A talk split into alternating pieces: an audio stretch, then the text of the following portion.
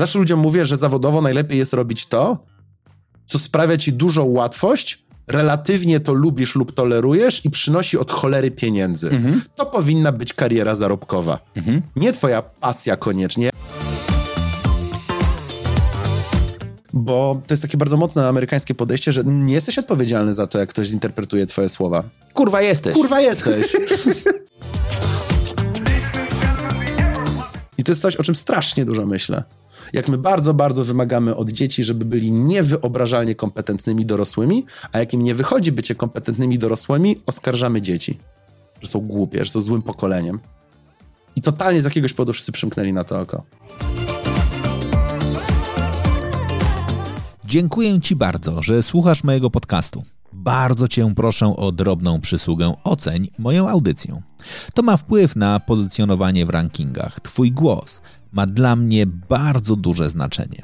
Zapraszam do wysłuchania kolejnego odcinka. Herra on Air. Wywiad rzeka z tymi, którzy płyną pod prąd.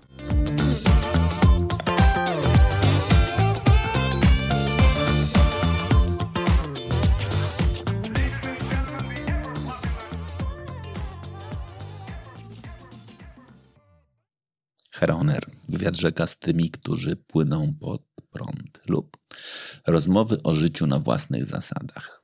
Ale żeby móc żyć na własnych zasadach, to przede wszystkim trzeba umieć przejąć kontrolę. I dzisiaj o tak. tym, dzisiaj o przejmowaniu kontroli nad swoim życiem. Waszym gościem jest Cześć, Andrzej Tucholski, psycholog, twórca koncepcji osoby wysokosprawczej i autor. Dzięki za zaproszenie. Dzięki bardzo. Kim jest osoba wysokosprawcza? Wiesz co, to jest osoba, która robi to, co trzeba wtedy, kiedy trzeba, z tym, co ma pod ręką, a, która ma i gotowość, i zasoby, a, żeby po prostu móc działać, żeby jeśli nadejdzie potrzeba, nadejdzie okazja, udaje się a, jej lub jemu stanąć na wysokości zadania i po prostu zrobić to coś, co akurat wymaga działania z czym ludzie mają e, no, dosyć kultowo problem, bo lubimy sobie znajdować racjonalizację, czemu to nie ja, czemu nie teraz, czemu to czyjaś inna odpowiedzialność. A osoba wysokosprawcza po prostu jest gotowa, ma zasoby, przygotowała się wcześniej i zrobi. Ale czy na pewno się przygotowała wcześniej do tego konkretnego zadania? Niekoniecznie do tego konkretnego zadania, wiesz, jest coś takiego w psychologii jak wysokie poczucie własnej skuteczności. Słowo mhm. skuteczność w ogóle, niedawno się dowiedziałem, ma, to, to, jest częste, że między językami masz więcej słów na to samo tłumaczenie i czasami w języku polskim, z reguły w języku polskim masz więcej słów na jedno słowo w języku angielskim, to jest odwrotnie. I skuteczność się czasem tłumaczy na efficiency mhm. i to jest taka skuteczność produktywnościowa, no nie? Jesteś jakaś maszyna, ma jakieś efficiency, albo niestety pracownik korporacji ma efficiency. Mhm. A ja mówię o takiej mierze psychologicznej jak self-efficacy. I to jest poczucie własnej skuteczności i ono polega na ufaniu sobie, że jak przyjdzie co do czego, ja po prostu dam radę. I o, o, osobach z bardzo wysokim tym wskaźnikiem self-efficacy się mówi, że to jest taki człowiek, co go wiesz, z helikoptera wypchniesz w jakąś rzekę, a on się wynurzy z rybą w zębach, no nie? Mhm. I wypłynie na brzeg i od razu porobi znajomych w tym pierwszej plemieniu, które spotka gdzieś tam, no nie? Wyobraziłem sobie jakąś taką dziką Brazylię, um, jakieś do rzeczy Amazonki w tej, w tej wizji szybciutkiej. I można mieć do siebie wysokie zaufanie, można się przygotować wcześniej, tak żyć swoje życie, żeby zawsze mieć to trochę energii, to trochę zaufania, te trochę kompetencji, które po prostu jak będzie trzeba wykorzystasz. Ja wiem, że to jest ładne, bo jak teraz zacząłeś o tym mówić, ja się akurat zajmuję zaufaniem. I bardzo często, Piękny temat. bardzo często przypominam, że są trzy składniki zaufania. To jest wiara w dobre intencje, prawo do popełniania błędów i akceptowanie i czerpanie z różnic. I to mówimy o zaufaniu do innych. Ale teraz myślę sobie, że jakbym to miał przełożyć do zaufania mm -hmm. do mhm. siebie, to jest dokładnie to samo. Tak. Znaczy, i... u podstaw pierwsza rzecz, którą jest, musisz uwierzyć, że masz dobre intencje. Czyli, że to, tak. co robisz, jest spójne z tobą. Absolutnie tak. Trzeba żyć... Znaczy... Ludzie się zastanawiają, czy warto żyć w zgodzie z sobą. I, i niestety mam złą wiadomość, nie mamy innej opcji. Jak nie żyjesz w zgodzie z sobą, to to cię, mówiąc kolokwialnie, ugryzie w tyłek prędzej czy później i raczej prędzej. I jedyną I opcją... na pewno mocno. I na pewno mocno. I, mo- I co jest niestety najgorsze, w momencie, w którym jest ci to wysoce na rękę, bo z reguły tak już w życiu bywa, że jak em, strasznie próbujemy zamykać oczy, jak taki królik, który widzi nadjeżdżającego tira i wiesz, żeby nie myśleć o zagrożeniu, zamyka oczka, nie? To jeśli ktoś w ten sposób brnie przez życie, to niestety ten, ten, ten tir cię przejedzie prędzej czy później, niestety. Więc, więc tak, jakby kluczową rzeczą jest zrozumienie siebie, akceptacja siebie, takiego jakim się jest, jakie się ma predyspozycje, jakie się ma preferencje. Ja nie mówię, że takie pełne wgłaskanie się w akceptację, bo jeśli się ma jakieś niedociągnięcia, albo nie wiem, człowiek na przykład nie chce być aż tak wybuchowy, albo aż tak lękowy, albo aż tak, wiesz, jakiś wycofany społecznie, albo aż tak polegający na innych ludziach, to są wszystko rzeczy, które mogą podlec zmianie.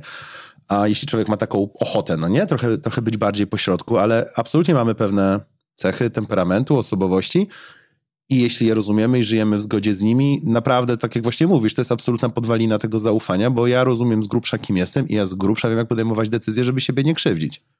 To ten drugi element, prawo do popełnienia błędu. No właśnie, nie traktowanie siebie za osoby idealne, nie traktowanie siebie też za osoby, od których ideału musimy wymagać. Bardzo wielu ludzi się spala, wiesz co, na pierwszej próbie, że coś nie wyjdzie. I to jest taka rzecz, która mnie niesamowicie smuci, jak tak sobie patrzę, bo ja nie wiem, kto to powiedział, ale jest takie powiedzonko, że nie pamiętam, czy sukces, czy życie polega na tym, żeby iść od porażki do porażki z niesłabnącym entuzjazmem.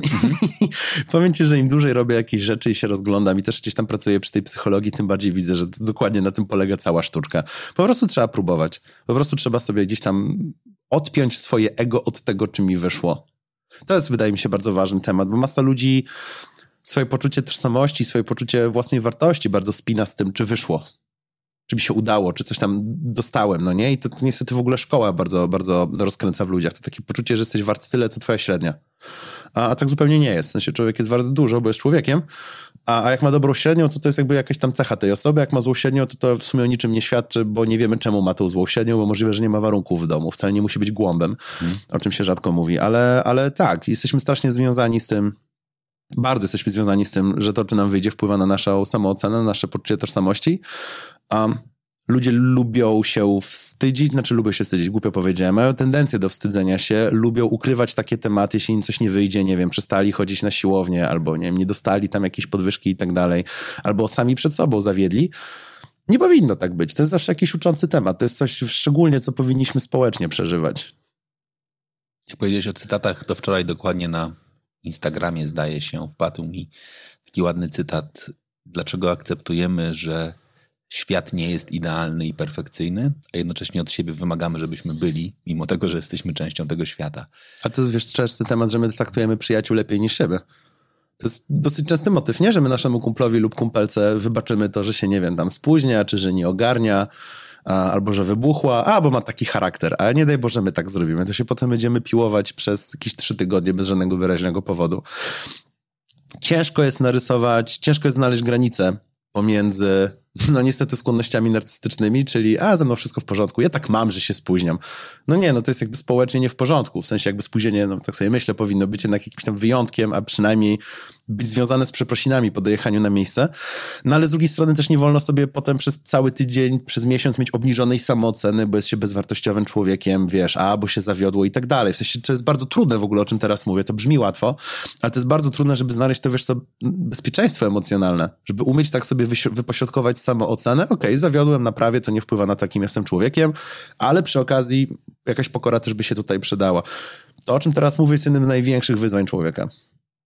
A co z mitycznym planowaniem i z takim mitycznym mówieniem, że ja od początku wiedziałem, co chcę zrobić, wiesz, szedłem po trupach, w takim rozumieniu również często swoich i osiągnąłem sukces. Uuu, ale mi się podoba określenie iść po trupach również swoich. Nie myślałem nigdy o tym w ten sposób. Ja mam do tego tendencję i to jest coś, z czym ja się zmagam w ogóle prywatnie. Zapamiętam, dzięki. Um, możesz powtórzyć? Przepraszam, bo się zawiesiłem na tym powiedzonku. Bardzo mi się spodobało. Okej. Okay. Co z takim mitem? Dobra, to ja ci dam, ja ci dam, taki, ja ci dam kontekst Jasne. tego. Bo to jest temat totalnie świeży. E, W zeszłym tygodniu dokładnie o tym rozmawiałem z dziewczyną, że strasznie wkurza mnie to, że ludzie z perspektywy czasu opowiadają historię, jak to miejsce, do którego doszli dzisiaj, jest pochodną, wiesz, ich wczesnego planu i tak dalej, i tak dalej, i tak dalej. Co jest kłamstwem. Teraz zrobię chyba największy coming out w mojej historii.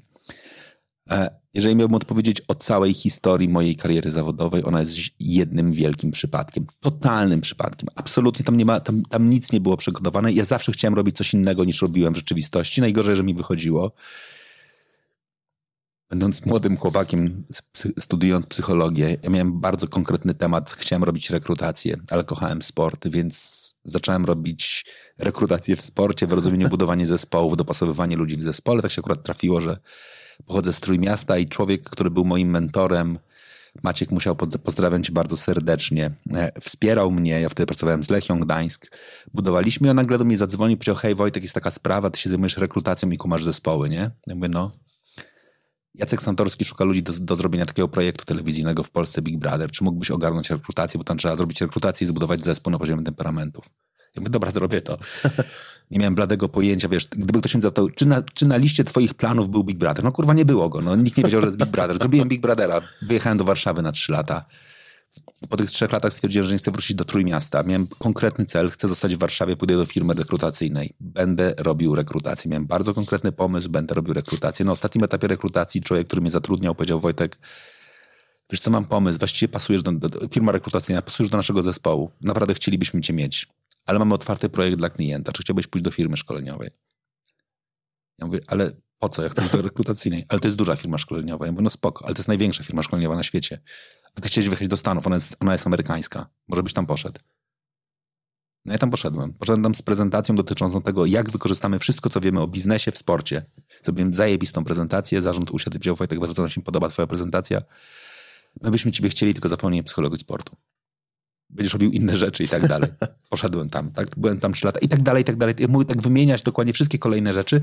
Jeżeli jest jedna stała rzecz w moim życiu, to to totalnie były zawsze okazje, które były spoza zakresu mojego celu. I teraz, wiesz, zawodowo zajmuję się występowaniem na scenie, jestem mówcą motywacyjnym. Jakbym wyszedł i, i publicznie powiedział, hej, elo, ziomeczki, moje życie to jeden wielki przypadek, gwizdy, wiesz, zejdź ze sceny, przecież trzeba mówić. Urodziłem się, mając trzy lata podjąłem decyzję, tak, że, tak, będę, tak. że będę najlepszym skrzypkiem świata i bardzo ciężko pracowałem, tak. mimo tego, że... Pochodzisz z małej wsi na Podolu, ustawiałeś kaczki w rzędzie i przemawiałeś motywacyjnie do nich. Dokładnie tak. Tak, tak, Dokładnie. tak. Nie, możesz, nie możesz powiedzieć, że wiesz. Idę, idę, okay. idę sobie takim Słyszę życiem, ci, rozumiem. pojawiają się tematy, myślisz sobie, chuj, zrobię.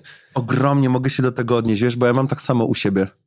Ale jedną rzecz to powiem, skoro jesteś z Trójmiasta, to, to zrobię jeden shoutout, a, a shoutout, a przy okazji coś polecę. Mój, mój tata w ogóle cała, cała rodzina też jest z Trójmiasta, jest z Gdańska, z Wrzeszcza, jest, jest mocno stoczniową rodziną. I teraz w Polsce jest ten wybitny musical grany 1989 na Piórkowskiego, Webera i tam jeszcze, jeszcze mhm. kilku wybitnych twórców. Jeśli nie miałeś okazji, gorąco polecam. Oto się mówi polski Hamilton, ale to jest nie do powiedzenia. To jest dużo, dużo więcej. Przepiękny, przepiękny musical o, słuchaj, powstawaniu wolnej Polski. Piękne. Gdzie głównymi jakby postaciami jakby tego, tegoż, tegoż musicalu jest, wiesz, jest, jest, jest Wałęsa, jest Borusewicz, um, jest Walentynowicz, jest Krzywonos, jest, jest um, no wszyscy, nie? Jesteś jakby cała, cała solidarnościowa ekipa, to są jakby postacie śpiewające i jak teraz się patrzę właśnie z moim e, serdecznym kolegą Jurek Buziaki, byłem na, mhm. na, na tym, e, to jest w ogóle bardzo śmieszne, wiesz, bo to grali w Gdańsku w Teatrze Szekspirowskim, a żeśmy się nie załapali, więc pojechaliśmy do Krakowa obejrzeć musical o Solidarności, bo czemu nie? I jesteśmy w Krakowie, oglądamy i mieliśmy taką, taką post factum rozkminę, że kurde, jak się tak myśli o historii e, jakiejkolwiek, Polski teraz e, nowożytnej na przykład, to to wszystkie, wszystkie te punkty tak pięknie się łączą w kreseczkę. No to musiało tak być. No to się wręcz nie dało uniknąć, żeby było inaczej. I bardzo nam zaimponował ten musical i wielka piona dla, dla scenarzystów i dla ludzi, którzy jakby zajmowali się mm, e, takim, tak jak mnie mam, redagowaniem historycznym, czy to się wszystko klei, że bardzo dobrze pokazano, że żaden z bohaterów dramatu wtedy nie miał zielonego pojęcia, co będzie jutro. Oni po prostu bardzo wiedzieli z grubsza, czego chcą, bardzo trzymali kciuki i postanowili po prostu być niezmordowani. A I potem wiedzieli, zobaczymy czego nie chcą. Tak. Znaczy, po prostu postanowili być niezmordowani, ale widać i to ten musical pięknie oddaje, oprócz super walorów taneczno-wokalnych, um, jest, jest niesamowitą historią, jest przepotężnie wzruszający też. Bardzo mi się podobało, że nie przymyka oka na to, że to była jednak, no poza kuroniem, banda dzieciaków trochę, mhm. które strasznie nie miały pojęcia, jak się buduje kraj, ale się uparły, że ten kraj trzeba po prostu odnowić, no nie? I, i to mi się podobało. Podobało mi się, że właśnie ten mit a to musiało tak być, krok po kroku, jakby od zawsze wiedziano, kto bierze za megafon. Gówno wiedziano. W sensie za megafon brał ten, co stał obok, a tak się składało, wiesz, tramwaje stawały i po prostu pani, wiesz, motornicza musiała coś robić w związku z tym faktem i po kolei się rzeczy działy, no nie? I wracając już z tego, że chciałem polecić musical, bo jest wspaniały i bardzo mi się podoba, że... Przypomnisz tego jego tytuł? 1989. Dzięki. Bardzo, e, właśnie bardzo mi się podobał, bo opowiadając o historii lubimy przekłamywać jak te kropki, uch, ależ one były połączone. I właśnie miałem wielką przyjemność poznać dzieło kultury, świetnej kultury polskiej, która jasno podkreśla, nie, te krop, ty po prostu improwizujesz z dnia na dzień i starasz się nie spieprzyć i wywrócić w trakcie. I odnosząc się już do tego, co powiedziałeś, ja się zupełnie zgadzam. Ja tak samo jak ty mogę się bardzo odnieść do twojej historii, e, czuję się z sobą, bo ja mam takie podejście, że życie to jest po prostu rozgrywanie kart, które ci się układają na stole, jakby co rozdanie. Tak, tak mam wyobrażenie prywatne tego. I ja absolutnie nie mam pojęcia, co będę robił kolejnego. W sensie tak, tak zero. Ja bardzo wiem, czego nie chcę robić, ale nauczyłem się na błędach, bo sądziłem, że coś chcę robić, zacząłem to robić i się absolutnie spaliłem i to było, wiesz, krzywdzące dla mnie, albo nudne, albo żmudne, albo nie cierpię i tak sobie, wiesz... Ja na to mówię kalibrowanie kompasu. Coraz bardziej kumam, jak, jak używać mojej wewnętrznej intuicji, żeby pokazywała z grubsza to, co chcę robić. I odpowiem na historię historią, słuchaj. E, mam ogromną radość, chyba w ogóle oprócz tego, że robię psychologię i te wszystkie rzeczy, tak ogółem mam ochotę pisać książki fabularne i scenariusze i to jest coś, co robię po nocach i kocham to robić. Jakby ja, hmm, żeby tego, żeby nie umniejszyć, ja kocham psychologię, ale tylko, tylko, co jest ważne, bardzo lubię o niej mówić. Mhm. Ja kocham o niej myśleć, rozmawiać ze znajomymi, rozwiązywać zagadki. Ale to, czy ja potem lubię o niej mówić, tak, bardzo lubię, ale nie kocham, nie? Jakby mhm. to jest taka moja miłość wiedzowa. Bardzo jestem, mam taki umysł dziennikarza śledczego, który znajduje jakiś problem na świecie, po czym kupuje 42 książki i próbuje zbudować jakiś model, który to rozwiąże i czytam wszystkie badania, jakie umiem znaleźć. Mhm. Ale żebym potem z tymi badaniami coś zrobił, to tak wiesz. Ja wiem. Mam straszny problem z tym, żeby potem napisać o tym jakąś książkę, bo skoro ja rozwiązałem ten problem, to już jest dla mnie nudne pisanie książki mm. na ten temat. Już mi się nie chce, ja już mm. wiem, ja już wiem, jakie jest rozwiązanie. A z książkami, z książkami fabularnymi i scenariuszami mam tak, że one mnie ciekawią do ostatniej chwili. W sensie robię poprawki od mojej wspaniałej redaktor Kinga, znowu buziaki teraz dla niej z kolei. Robię poprawki o drugiej nad ranem. Jestem jechany na lewo i prawo. Jak to praca z redaktorką, bo mhm. absolutnie umiem pisać trochę, a dzięki niej umiem pisać o wiele lepiej. I słuchaj, nie żadnie mi mina na chwilę. To jest jakby ja z wie wielką radością zarywam noc, wiesz, czytając y, plik wordowy, gdzie w co drugim komentarzu dowiaduję się, że jestem głąbem, niż jakby, wiesz, występując przed ludźmi na temat psychologii czy coś w tym stylu. I słuchaj, ja mam tak, że nie robię rzeczy na siłę. Ja kilka razy w życiu próbowałem coś zrobić na siłę, tak jak doradzają amerykańskie książki motywacyjne. Miej cel w ogóle, wiesz, mhm. wszystko jemu podporządkuj. Człowieku, spróbowałem tego z dwa czy trzy razy w życiu i dwa czy trzy razy w życiu byłem monumentalnie smutny. Bo dostałem to, czego chciałem. Jakby dosłownie nie ma większej kary dla człowieka niż dostać dokładnie to, co chciał, jeśli się nie zastanowił, czego potrzebuje. Stare chińskie przysłowie mówi módl się, żebyś nie dostał tego, co O, prosisz. człowieku. Wy wywalczyłem to, co chciałem trzy razy i tragedia. Po czym zacząłem robić tylko to, na co jest miejsce. I słuchaj, zupełnie niedawno połączyły mi się kropeczki z pewnym wspaniałym człowiekiem, który się mnie nagle pyta, czy bym książki dla nich nie napisał fabularnej. Ja mówię, pewnie, co chcesz? A on mówi taka groza, tylko bardziej dla kobiet by się przydała, jeśli jakby rozumiesz estetykę takiego, mm. wiesz, stworzenia, żeby to była bohaterka. Czy jesteś mężczyzną, który umie napisać kobiecą postać? Ja mówię, cholera, nie wiem, ale chętnie się poddajemy, jest to coś, co mnie ciekawi, bo ja wiem, jak myśli facet, mam, mam go w głowie. Strasznie byłbym ciekaw zastanowić się jako autor, czy umiem sobie wymyślić silną, fajną, sprawczą a, kobietę, coś, co by było dla mnie też wyzwaniem literackim. Ja się mm, dopytuję tego człowieka, a jak, jaki gatunek? No taki horror, taka groza, ale coś współczesnego, może masz takie tematy. I słuchaj, ja używam takiej aplikacji Evernote do robienia mhm. notatek. Otwieram Evernote'a i skroluję, skroluję, skroluję, skroluję i miałem pomysł na współczesną grozę sprzed dziewięciu lat. I tak jak byłem na Zoom callu z tym człowiekiem, czytam mu pomysł. Wiesz, notatka ostatni raz edytowana, edytowana tam w 2012, nie? Czy coś w tym stylu. A ja mu mówię, czytam to, on tak mówi, stary, dokładnie tego szukamy. A ja mówię, czekało. I poszedł ten pomysł, podpisaliśmy umowę, napisałem tę książkę i wiesz co, strasznie, niestety cierpliwość nie jest moją mocną stroną. Trochę się wkurzyłem na siebie, na, na siebie, na świat. Ja lubię się bardzo wkurzać na świat. Cholera, ta książka wyjdzie dopiero, nie wiem, za rok, za dwa, jak to książki. W sensie piszesz ją, potem jest redakcja. Cholera wie. I ja tak, no nie, ja już, ja, ja potrzebuję, ja coś chcę, wiesz, żeby się działo. I wymyśliłem na szybko serial audio, Aha. który mogę nagrać w domu, bo mam mikrofon. I wymyśliłem serial na jednego aktora opowiadany wiadomościami głosowymi, bo to jest po prostu przeszło mi to do głowy, zero zastanawiania. I nagrałem to tak po prostu, żeby móc się wyszaleć twórczo, dopóki ta książka nie wyjdzie na rynku, bo bym chciał kiedyś napisać kontynuację i tak dalej, i tak dalej. Ale ja tak się nie mogłem doczekać, że nagrałem to z czapy. Po prostu siedzę kiedyś w domu, kolejny projekt duży taki mi się zaczyna za dwa tygodnie i tak sobie myślę, ty, ma dwa tygodnie, w sensie może coś z tym zrobię. I nagrałem ten serial audio, on zadebiutował na top 3 Spotify Polska, w ogóle wybuch. Ludzie się do mnie odzywają teraz, żebym robił dla nich scenariusze audio. Czy ja kiedykolwiek planowałem pisać scenariusze audio? Słuchaj, no nie bardzo. Wiesz, to jest dokładnie to, o czym ty mówisz. Ja po prostu chcę tworzyć, i wiem, czego nie chcę. Nauczyłem się tego na swoich błędach, więc jest to mocna wiedza już dzisiaj. Ale ależ bym zmyślał, jakbym mówił ludziom, słuchaj, jeśli chcesz tworzyć, ja wiedziałem, że najpierw muszę się pokazać, więc stworzyłem e, proof of concept i go wrzuciłem, by był łatw. Ja nie miałem pojęcia, co robię. Chciałem opowiedzieć historię, poszedłem po, wiesz, absolutnie najmniejszej linii oporu. Dziękuję, do widzenia. I teraz trochę widzę, że jest wymagane ode w sensie czuję taką presję społeczną, żeby mówić o tym tak, jakbym od zawsze wiedział, co robię. Ja absolutnie pojęcia nie mam. Staram się być kompetentny na tyle, na ile mogę. Bardzo sobie ufam, bo już nieraz przeżyłem turbulentne sytuacje, a poza tym, mówiąc żartobliwie, zdrowaś Mario i do przodu codziennie rano, bo nie mam zielonego pojęcia, z czym mi zadzwoni telefon, wiesz, albo jakaś się pokaże kolejne, jakie drzwi się pokażą. Ja kocham metafory. I ty użyłeś jednej z piękniejszych metafor podczas swojego wywodu. Nie wiem, czy ją e, zapamiętałeś, ale chcę ją wyciągnąć, bo ona jest piękna. Mało tego, znowu zrobię trochę szerszy kontekst do niej, bo, Ojej, to, koniecznie. bo to jest brakujące ogniwo. Robert Kroll, poz- pozdrawiam cię bardzo serdecznie. Kiedyś na Festiwalu Inspiracji, to takie spotkanie mówców, miałem wystąpienie na temat życiowy poker, gdzie pokazywałem dokładnie, że jak, jak, jak, jak, jak, jak grasz tymi kartami, które przychodzą. I teraz ta rozmowa mi do- dodała brakujące, brakujące ogniwo. Główny problem polega na tym, że my się fascynujemy wielki szu. Znaczy, że my się, my się absolutnie w pokerze, zamiast nauczyć się reguł, zasad i grania tą kartą, która przysz, No, czasem przyjdzie, musisz sfoldować.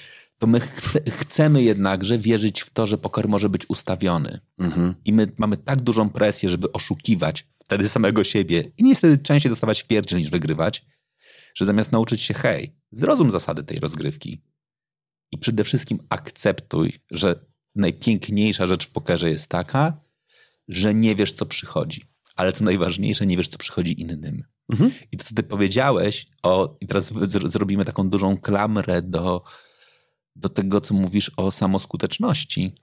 Że cała magia polega na tym, że wygrywają ci, którzy lepiej zagrają tymi kartami, które mają, również z pewnością siebie i z przekonaniem, że tą kartą da się wygrać. Cały blef w pokerze polega na tym, że nawet jeżeli te karty, kurwa, widzisz, że one nie są idealne, to z całą pewnością siebie mówisz, będę nimi grał. I jeżeli pokażesz to pewniej niż pozostali, to masz dużą szansę, że doprowadzisz do tego, że oni, że oni odpuszczą i powiedzą pas.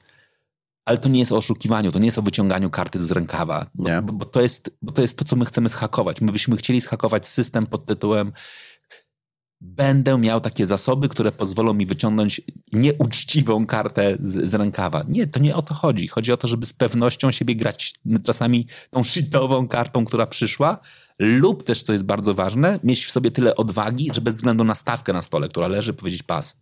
Bo wiesz, że tymi kartami nie zagrasz, bo po prostu nie masz Ja zasobów, nie masz kompetencji. konkretnie pokera Texas Hold'em, czyli z trzema kartami, które wszyscy widzą Widzą, na stole, co też tak. jest doskonałą metaforą życia, No. bo są to szanse publicznie jakby jawne. Jest taka, a nie inna koniunktura, są takie, a nie inne trendy, mam takie, a nie inne możliwości i kiedy ja miałem przyjemność, bo o mojej wysokosprawczości rok temu książka wyszła, mniej więcej w tej okolicy, kiedy teraz rozmawiamy, sporo ludzi natychmiast się zapaliło, o, wysokosprawczość to pewnie oznacza, że nigdy nie wolno odpoczywać lub za wszystko musisz... Nie!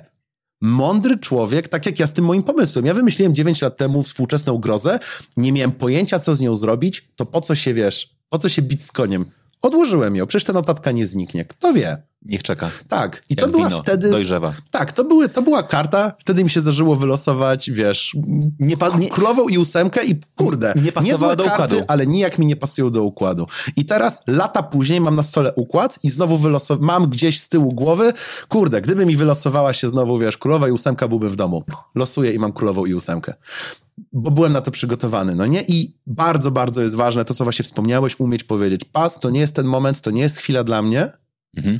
To nie jest sytuacja, którą powinienem teraz na siłę rozgrywać. Nie powinienem iść all in, bo może, u, sprzyja mi kosmos. Cholera, może i sprzyja, życzę ci tego, ale tak długofalowo dla zdrowia psychicznego lepiej jest umieć z pogodą ducha dochodzić do wniosku, o, fajny pomysł.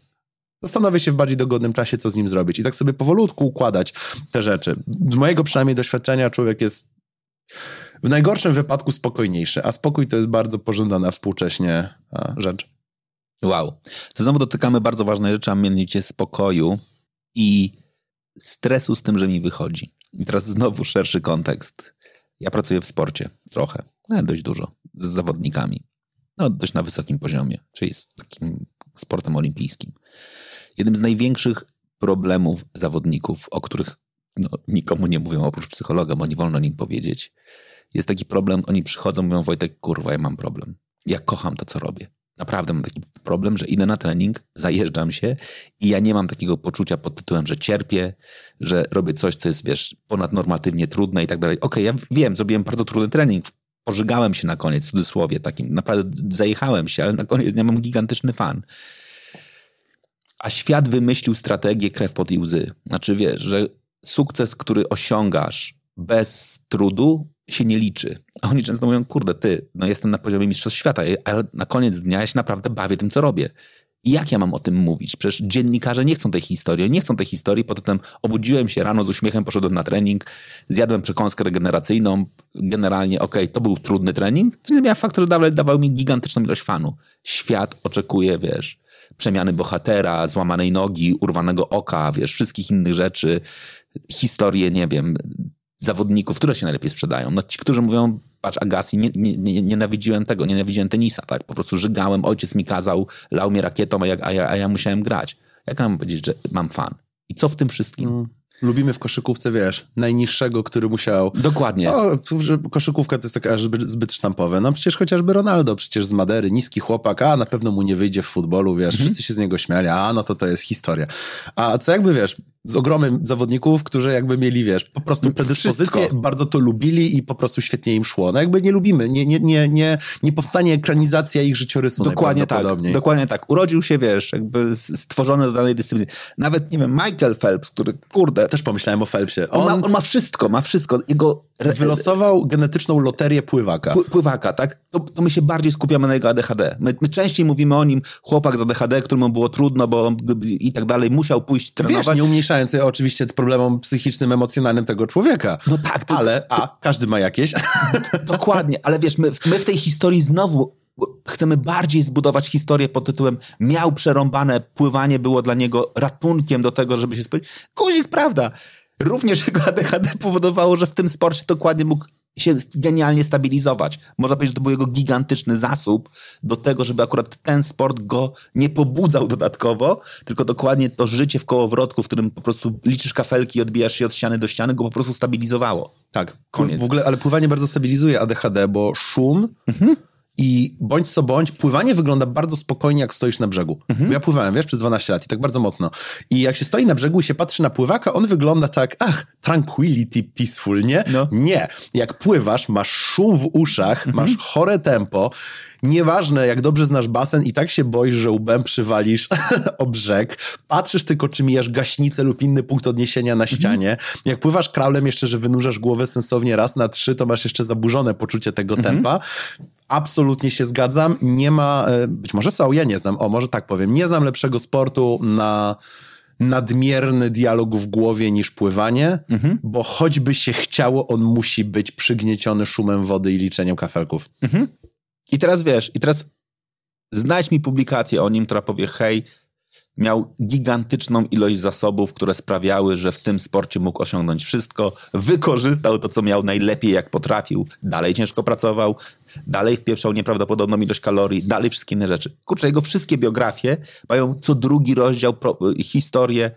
Dzisiaj nawet nie umiemy zweryfikować, czy prawdziwą, czy naciągniętą, który mierzył się, wiesz, z wyzwaniami, wyzwaniami, wyzwaniami. Chcę powiedzieć, ej, przecież mogło tak być, że po prostu wylosował dobrą kartę i nią grał, no. Bardzo ciekawy temat dla mnie poruszasz, bo my też żyjemy w, tak sobie myślę, że by, były demoludy mają ten taki kult, że jak nie, nie, nie urobisz sobie rąk po łokcie, to mhm. nakradłeś albo fartem dostałeś i, i tak dalej. Jest takie dziwne domniemanie kulturowe, i ono pod wieloma względami, jeśli chodzi o jednostki wybitne typu sport, kultura, polityka, nauka i tak dalej, ono jest globalne, ale bardzo widzę, że w tym naszym bloku, który niestety był mocno dojechany takim, wiesz, socrealistycznym podejściem do, do kultury, mhm. Co było najbardziej cenioną rzeczą, jaką mogłeś mieć w PRL-u? Bycie stachanowcem, jakby mhm. wow, 140% normy, ale super. No nie. W okay. sensie w centralnie sterowanej gospodarce Kremla pewnie 140% jest super, ale w dzisiejszym naszym podejściu to jest, my dlatego się zabijamy, no nie? Ale to jest jakby temat, temat na, za moment. To, co mnie przeraża, to właśnie to takie założenie, które my mamy bardzo podskórnie w ogóle właśnie w kulturze lokalnej, mam ochotę powiedzieć, że jeśli coś, nie, nie, ma czegoś takiego jak coś, co ci przychodzi z łatwością. Trochę mhm. jakby ludzie nie mieli talentów. Mhm. Ale zauważ, że to jest absolutnie przecież podejście socjalistycznej narracji. To Zwykły człowiek nie ma talentów. Wy wszyscy jesteście tacy sami, nadajecie się tylko do fabryk. To jest tok myślenia, żeby łatwo kontrolować masy. Mhm. Każdy ma talenty. Nie mówię, że każdy będzie Phelpsem, ale na przykład ja mam każdy swoją... będzie Phelpsem swojego talentu. Znaczy jakby... Tak, ale ja na przykład mam, mam działalność gospodarczą, bo jakby tak wygląda struktura prawna faktu, żebym zarabiał pieniądze. I Od kiedy? Ojej, już 7 lat.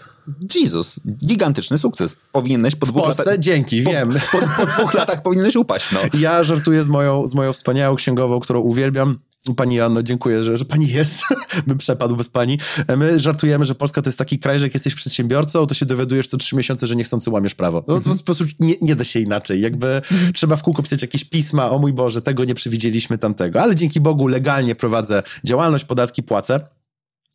A, I gdzie chciałem z tym zmierzać? Wiem, gdzie chciałem zmierzać. Ja muszę, bo rozliczam się co kwartał podatkowo i ja muszę co kwartał, wiesz, faktury, zamknięcie kwartału i tak dalej, i tak dalej.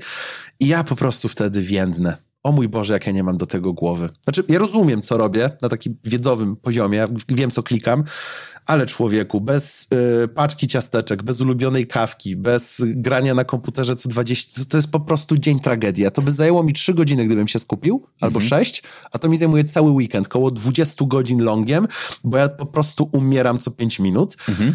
bo nie mam do tego predyspozycji. Ale jest taka pani Anna, która wybrała swoją karierę sama mhm. i jej to przychodzi z łatwością. Ja nie wiem, czy pani Anna to uwielbia, ale dla niej to jest cholera łatwe. Mhm. Skupia się, robi i sobie idzie do swojej rodziny dzięki. Jak ja z nią gadam, ile ona godzin dziennie pracuje, to ja absolutnie z uśmiechem sobie myślę, ale fajnie, że ona wybrała tę karierę. Rozumiesz? Mhm. Mimo tego, że w Polsce aktualnie bycie księgowym jest przekichane przy tym, jak prawodawstwo się zmienia co 40 sekund, to, to, to mam takie trochę na myśli, że są pewne rzeczy, w których my może nie będziemy Phelpsem, ale one nam po prostu przychodzą z łatwością. Mhm. I ja mam wrażenie, że to nasze połączenie tej lokalnej kultury, w której nie ma talentu, wszyscy muszą zapierdalać. Jeśli ty się nie męczysz fundamentalnie, ono to, to, to tak naprawdę nie jest praca. To jest taka, taka rzecz, która mnie zawsze dziwi. No, ja lubię, lo, lubię to, co robię.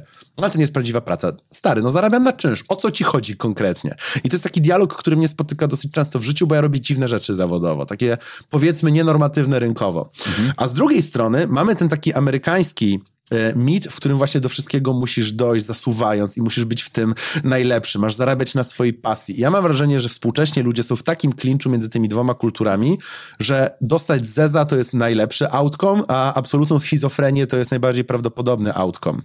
Ja zawsze ludziom, bo ja specjalizowałem się i skończyłem psychologię biznesu, zawsze ludziom mówię, że zawodowo najlepiej jest robić to, co sprawia ci dużą łatwość, relatywnie to lubisz lub tolerujesz i przynosi od cholery pieniędzy. Mhm. To powinna być kariera zarobkowa. Mhm. Nie twoja pasja koniecznie. Ja mam na przykład takiego pecha, że moje pasje absolutnie nie są jakby w żaden sposób do zmonetyzowania. Jakby nie da się zarobić na tym, co robię jako pasja.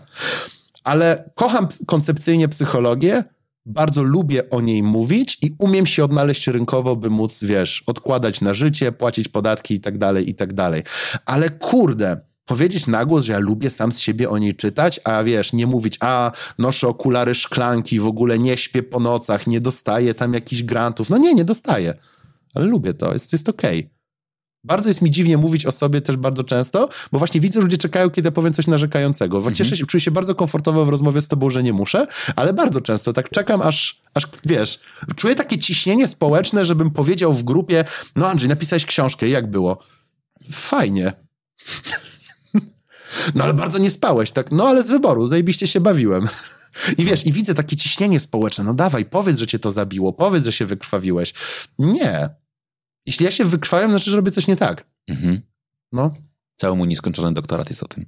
Czyli dlaczego dokładnie jakby rzeczy, które wykonujemy w, sprze- w sprzeczności z talentem powodują kontuzję.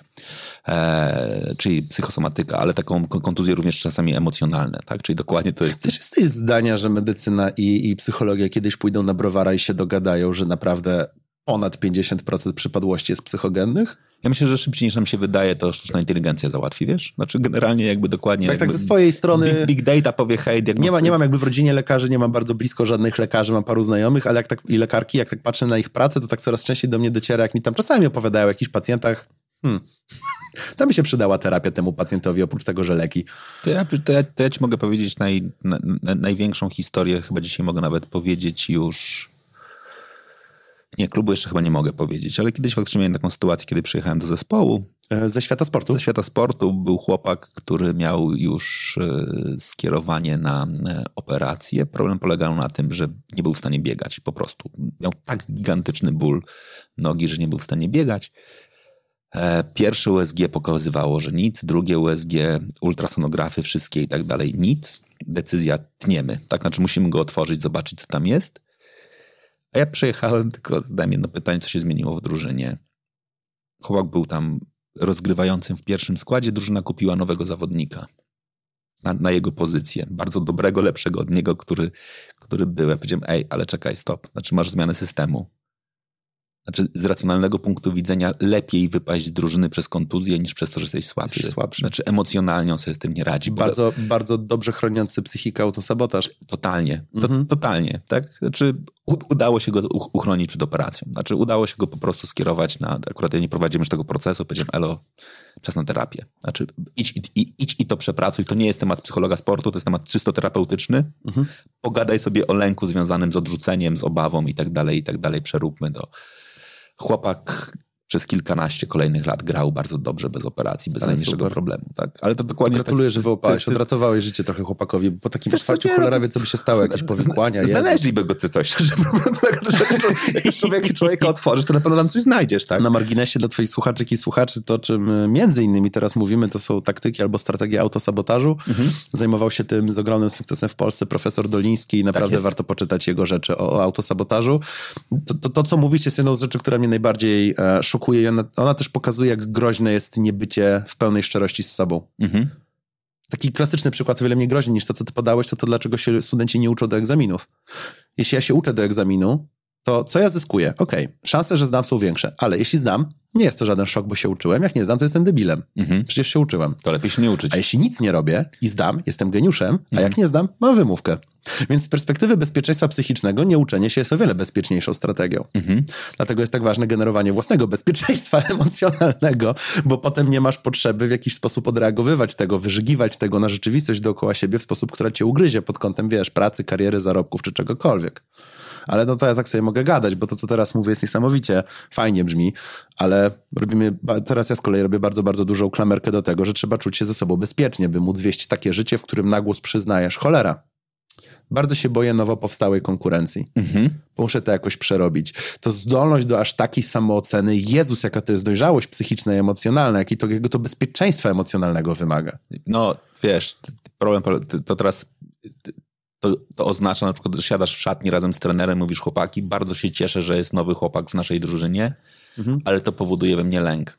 Jak możemy tym zarządzić? Kuźwa, sport nie zna takiego pojęcia. Znaczy, masz być twardy, wiesz, przy, jak cię pytają, jak się czujesz z tym, żeby jest gość na twoją pozycję? Nie no, spoko, luz, to jest dobre dla drużyny, to jest super ważne, a ja będę dawał z siebie wszystko. Znaczy sobie, wiesz, wrzucasz jeszcze gigantyczną presję na to i nie ma przestrzeni na to, żeby powiedzieć, ej, to, to jest lęk, on jest normalny. Tak, Widziałem taką wypowiedź wczoraj, która, nie pamiętam autorki, pamiętam, że to była, to była kanadyjska, kanadyjska bodajże psycholożka i jej słowa brzmiały większość ludzi zamiast self-care potrzebuje community care. My o siebie nie dbamy grupowo i nie mamy odwagi powiedzieć, że potrzebujemy wsparcia grupy. I znowu, ja jestem wychowany na amerykańskiej kulturze, kulturze. Ja bardzo kocham amerykańską kulturę. Nadal oglądam seriale kryminalne, wiesz, CSI Miami i tak dalej. To jest mój, moja, mój codzienny wieczór. Ale im dłużej myślę o tym, co oni zrobili popularnej psychologii, co oni zrobili takim trendom e, psychospołecznym, to mi się otwiera łomy w kieszeni z niechęci niestety. I właśnie taką ogromną rzeczą jest to takie zasrany amerykański indywidualizm. Ja go tak absolutnie nie lubię. Bo on się jeszcze, wiesz co, skleił ze współczesnymi interpretacjami różnych filozofii i kultur wschodu. A to już w ogóle taki ogromny temat na bokrobie, bo zauważ, że filozofie z reguły mają na celu disrupt reality, jakoś mhm. odwrócić status quo, odwrócić paradygmat, który jest obecny i upraszczam teraz drastycznie, ale co do zasady społeczeństwa mocno wschodnie są bardziej kolektywne niż nie. Mhm. W efekcie ich kultury bardzo mocno zachęcają do odrębności. Pamiętaj, wiesz, jakby to ty jesteś jednostką, to jakby ty bardzo mocno idź, idź przez życie. To jest takie bardzo mocne myślenie Tao Zen. Życie jest drogą i to jest twoja droga. Masz dookoła ludzi, ale no to, to jest twoja droga, to jest twoje życie. Tylko podkreśl to, masz dookoła ludzi. Oczywiście, że Idziesz tak. w bezpiecznym świecie. Oczywiście, że tak, ale zauważ, że my jesteśmy jako Zachód, szczególnie naćpany mhm. Ameryką Zachód, o wiele bardziej, znowu, cholernie upraszczam, ale bardziej indywidualistycznymi mhm. społeczeństwami niż kolektywnymi, w rozumieniu, wiesz, na przykład tego, jak funkcjonują Chiny, no nie? Albo, albo Japonia, z której dużo tych myśli przecież pochodzi. I my nie dość, że mamy ten właśnie naćpanie Ameryką, tym takim skrajnym indywidualizmem, że tylko ty musisz o siebie dbać, nie potrzebujesz relacji, jeśli nie umiesz sam ze sobą być, o, no to absolutnie coś z tobą nie gra. Zanim znajdziesz związek, to naucz się w całości być szczęśliwy ze sobą. To nie jest normalne. W sensie, jeśli człowiek jest w całości szczęśliwy sam ze sobą, to albo ma taki rys charakteru i jego lub jej cechy temperamentu i osobowości na to wskazują, albo coś z tą osobą nie gra i przepotężnie przymyka oko na własne potrzeby lub traumę. Co do zasady, większość ludzi raczej lubi innych ludzi. I my tak sobie myślę, że to jest duży problem, że nie dość, że mamy naćpane społeczeństwo Stanami Zjednoczonymi i tym takim hiper, wiesz, odrębnością jednostki, jeszcze na to wzięliśmy te takie idiotycznie zredagowane przez Zachód fragmenty wschodnich filozofii, szczególnie te, które zachęcają do bycia odrębną jednostką. Jakby żeśmy totalnie olali ten taki ogólny, kolektywny tok myślenia. Ja mam wrażenie, że my sobie strasznie robimy teraz krzywdę tym takim nadmiernym, jednostkowym self-carem.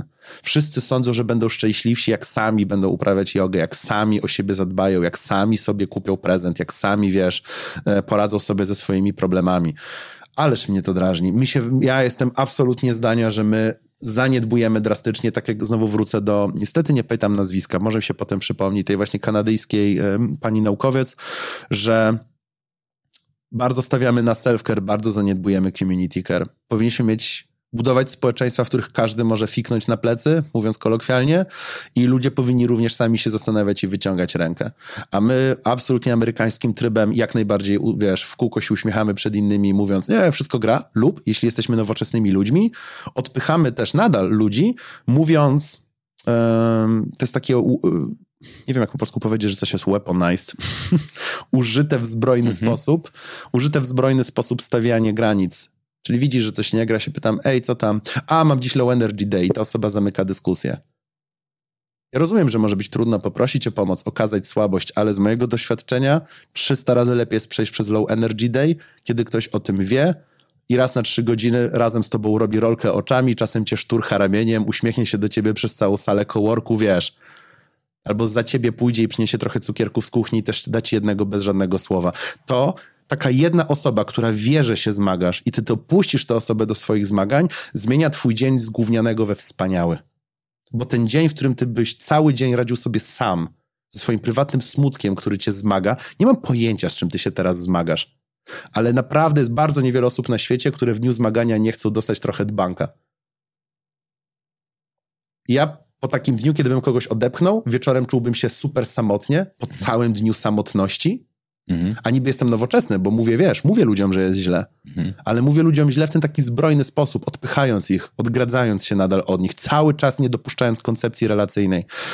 A w dniu, w którym bym powiedział, i, I mój jeden kupel by mi wysyłał memy na Messengerze przez cały dzień, wiesz, jakaś osoba na coworku, bo pracuję czasem na coworku w centrum Warszawy, w CIC Warsaw, jakaś osoba by wiedziała, że się zmagam i po prostu by czasem do mnie patrzyła i do mnie machała, nic więcej, to jest nagle dzień, kiedy ja się pod wieczór czuję społecznie zadbany. Ktoś o mnie wiedział, ktoś o mnie pomyślał, ktoś się mną zajął. Według zdrowia psychicznego, dla zdrowia psychicznego to jest być albo nie być. Kurde, to teraz dotykasz tematu, który ja totalnie kocham. E, I znowu będę robił szerszą dygresję. E, książka, którą uwielbiam, której pewnie czytałem ją, nie wiem, kilkadziesiąt razy co najmniej. Długo jej nie rozumiałem. Znaczy rozumiałem ją inaczej niż ją rozumiem dzisiaj. To może nie, że U, nie to takie rozumiałem. książki są najlepsze, jak dojrzewa, ich rozumienie dojrzewa z tobą. I ona jest kultowa, tak? W biznesie jest kultowa, czy mam na myśli 7 nawyków skutecznego działania Coveya, nawet leży tam na półce.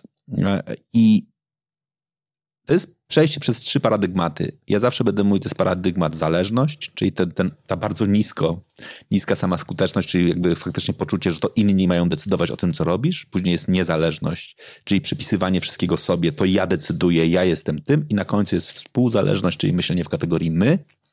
My możemy sobie pomagać, my jesteśmy do tego.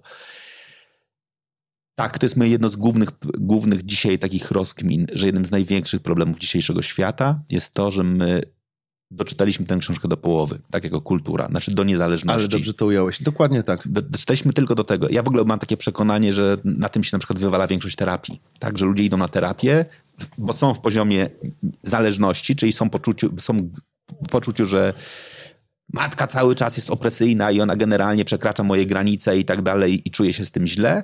Przechodzą przez proces do niezależności, czyli do postawienia swoich potrzeb na pierwszym miejscu i uciekają z terapii, zamiast powiedzieć, hej, to jest dopiero podstawa do tego, żeby pójść w współzależność, czyli w myślenie o innych. Zwróć uwagę, najbardziej wyświechtany cytat, który się pojawia, czyli jak lecisz samolotem, to jest taki moment, pasażerowie Zakładasz podróżujący... maseczkę sobie. za- zakładasz maseczkę sobie i ludzie na tym kończą. Kurwa nie, zakładasz maseczkę sobie po to, żeby ją za chwilę założyć dzieciom i innym osobom, które są z tobą. Znaczy, nie ma sensu dbać o Absolutnie siebie, jeżeli nie masz, nie masz, jeżeli wiesz, a my się, my się naprawdę, to jest tak jakby pani w samolocie powiedział, pasażerowie potrzebu- podróżujący z dziećmi zakładają maseczkę sobie. Olewają dzieci.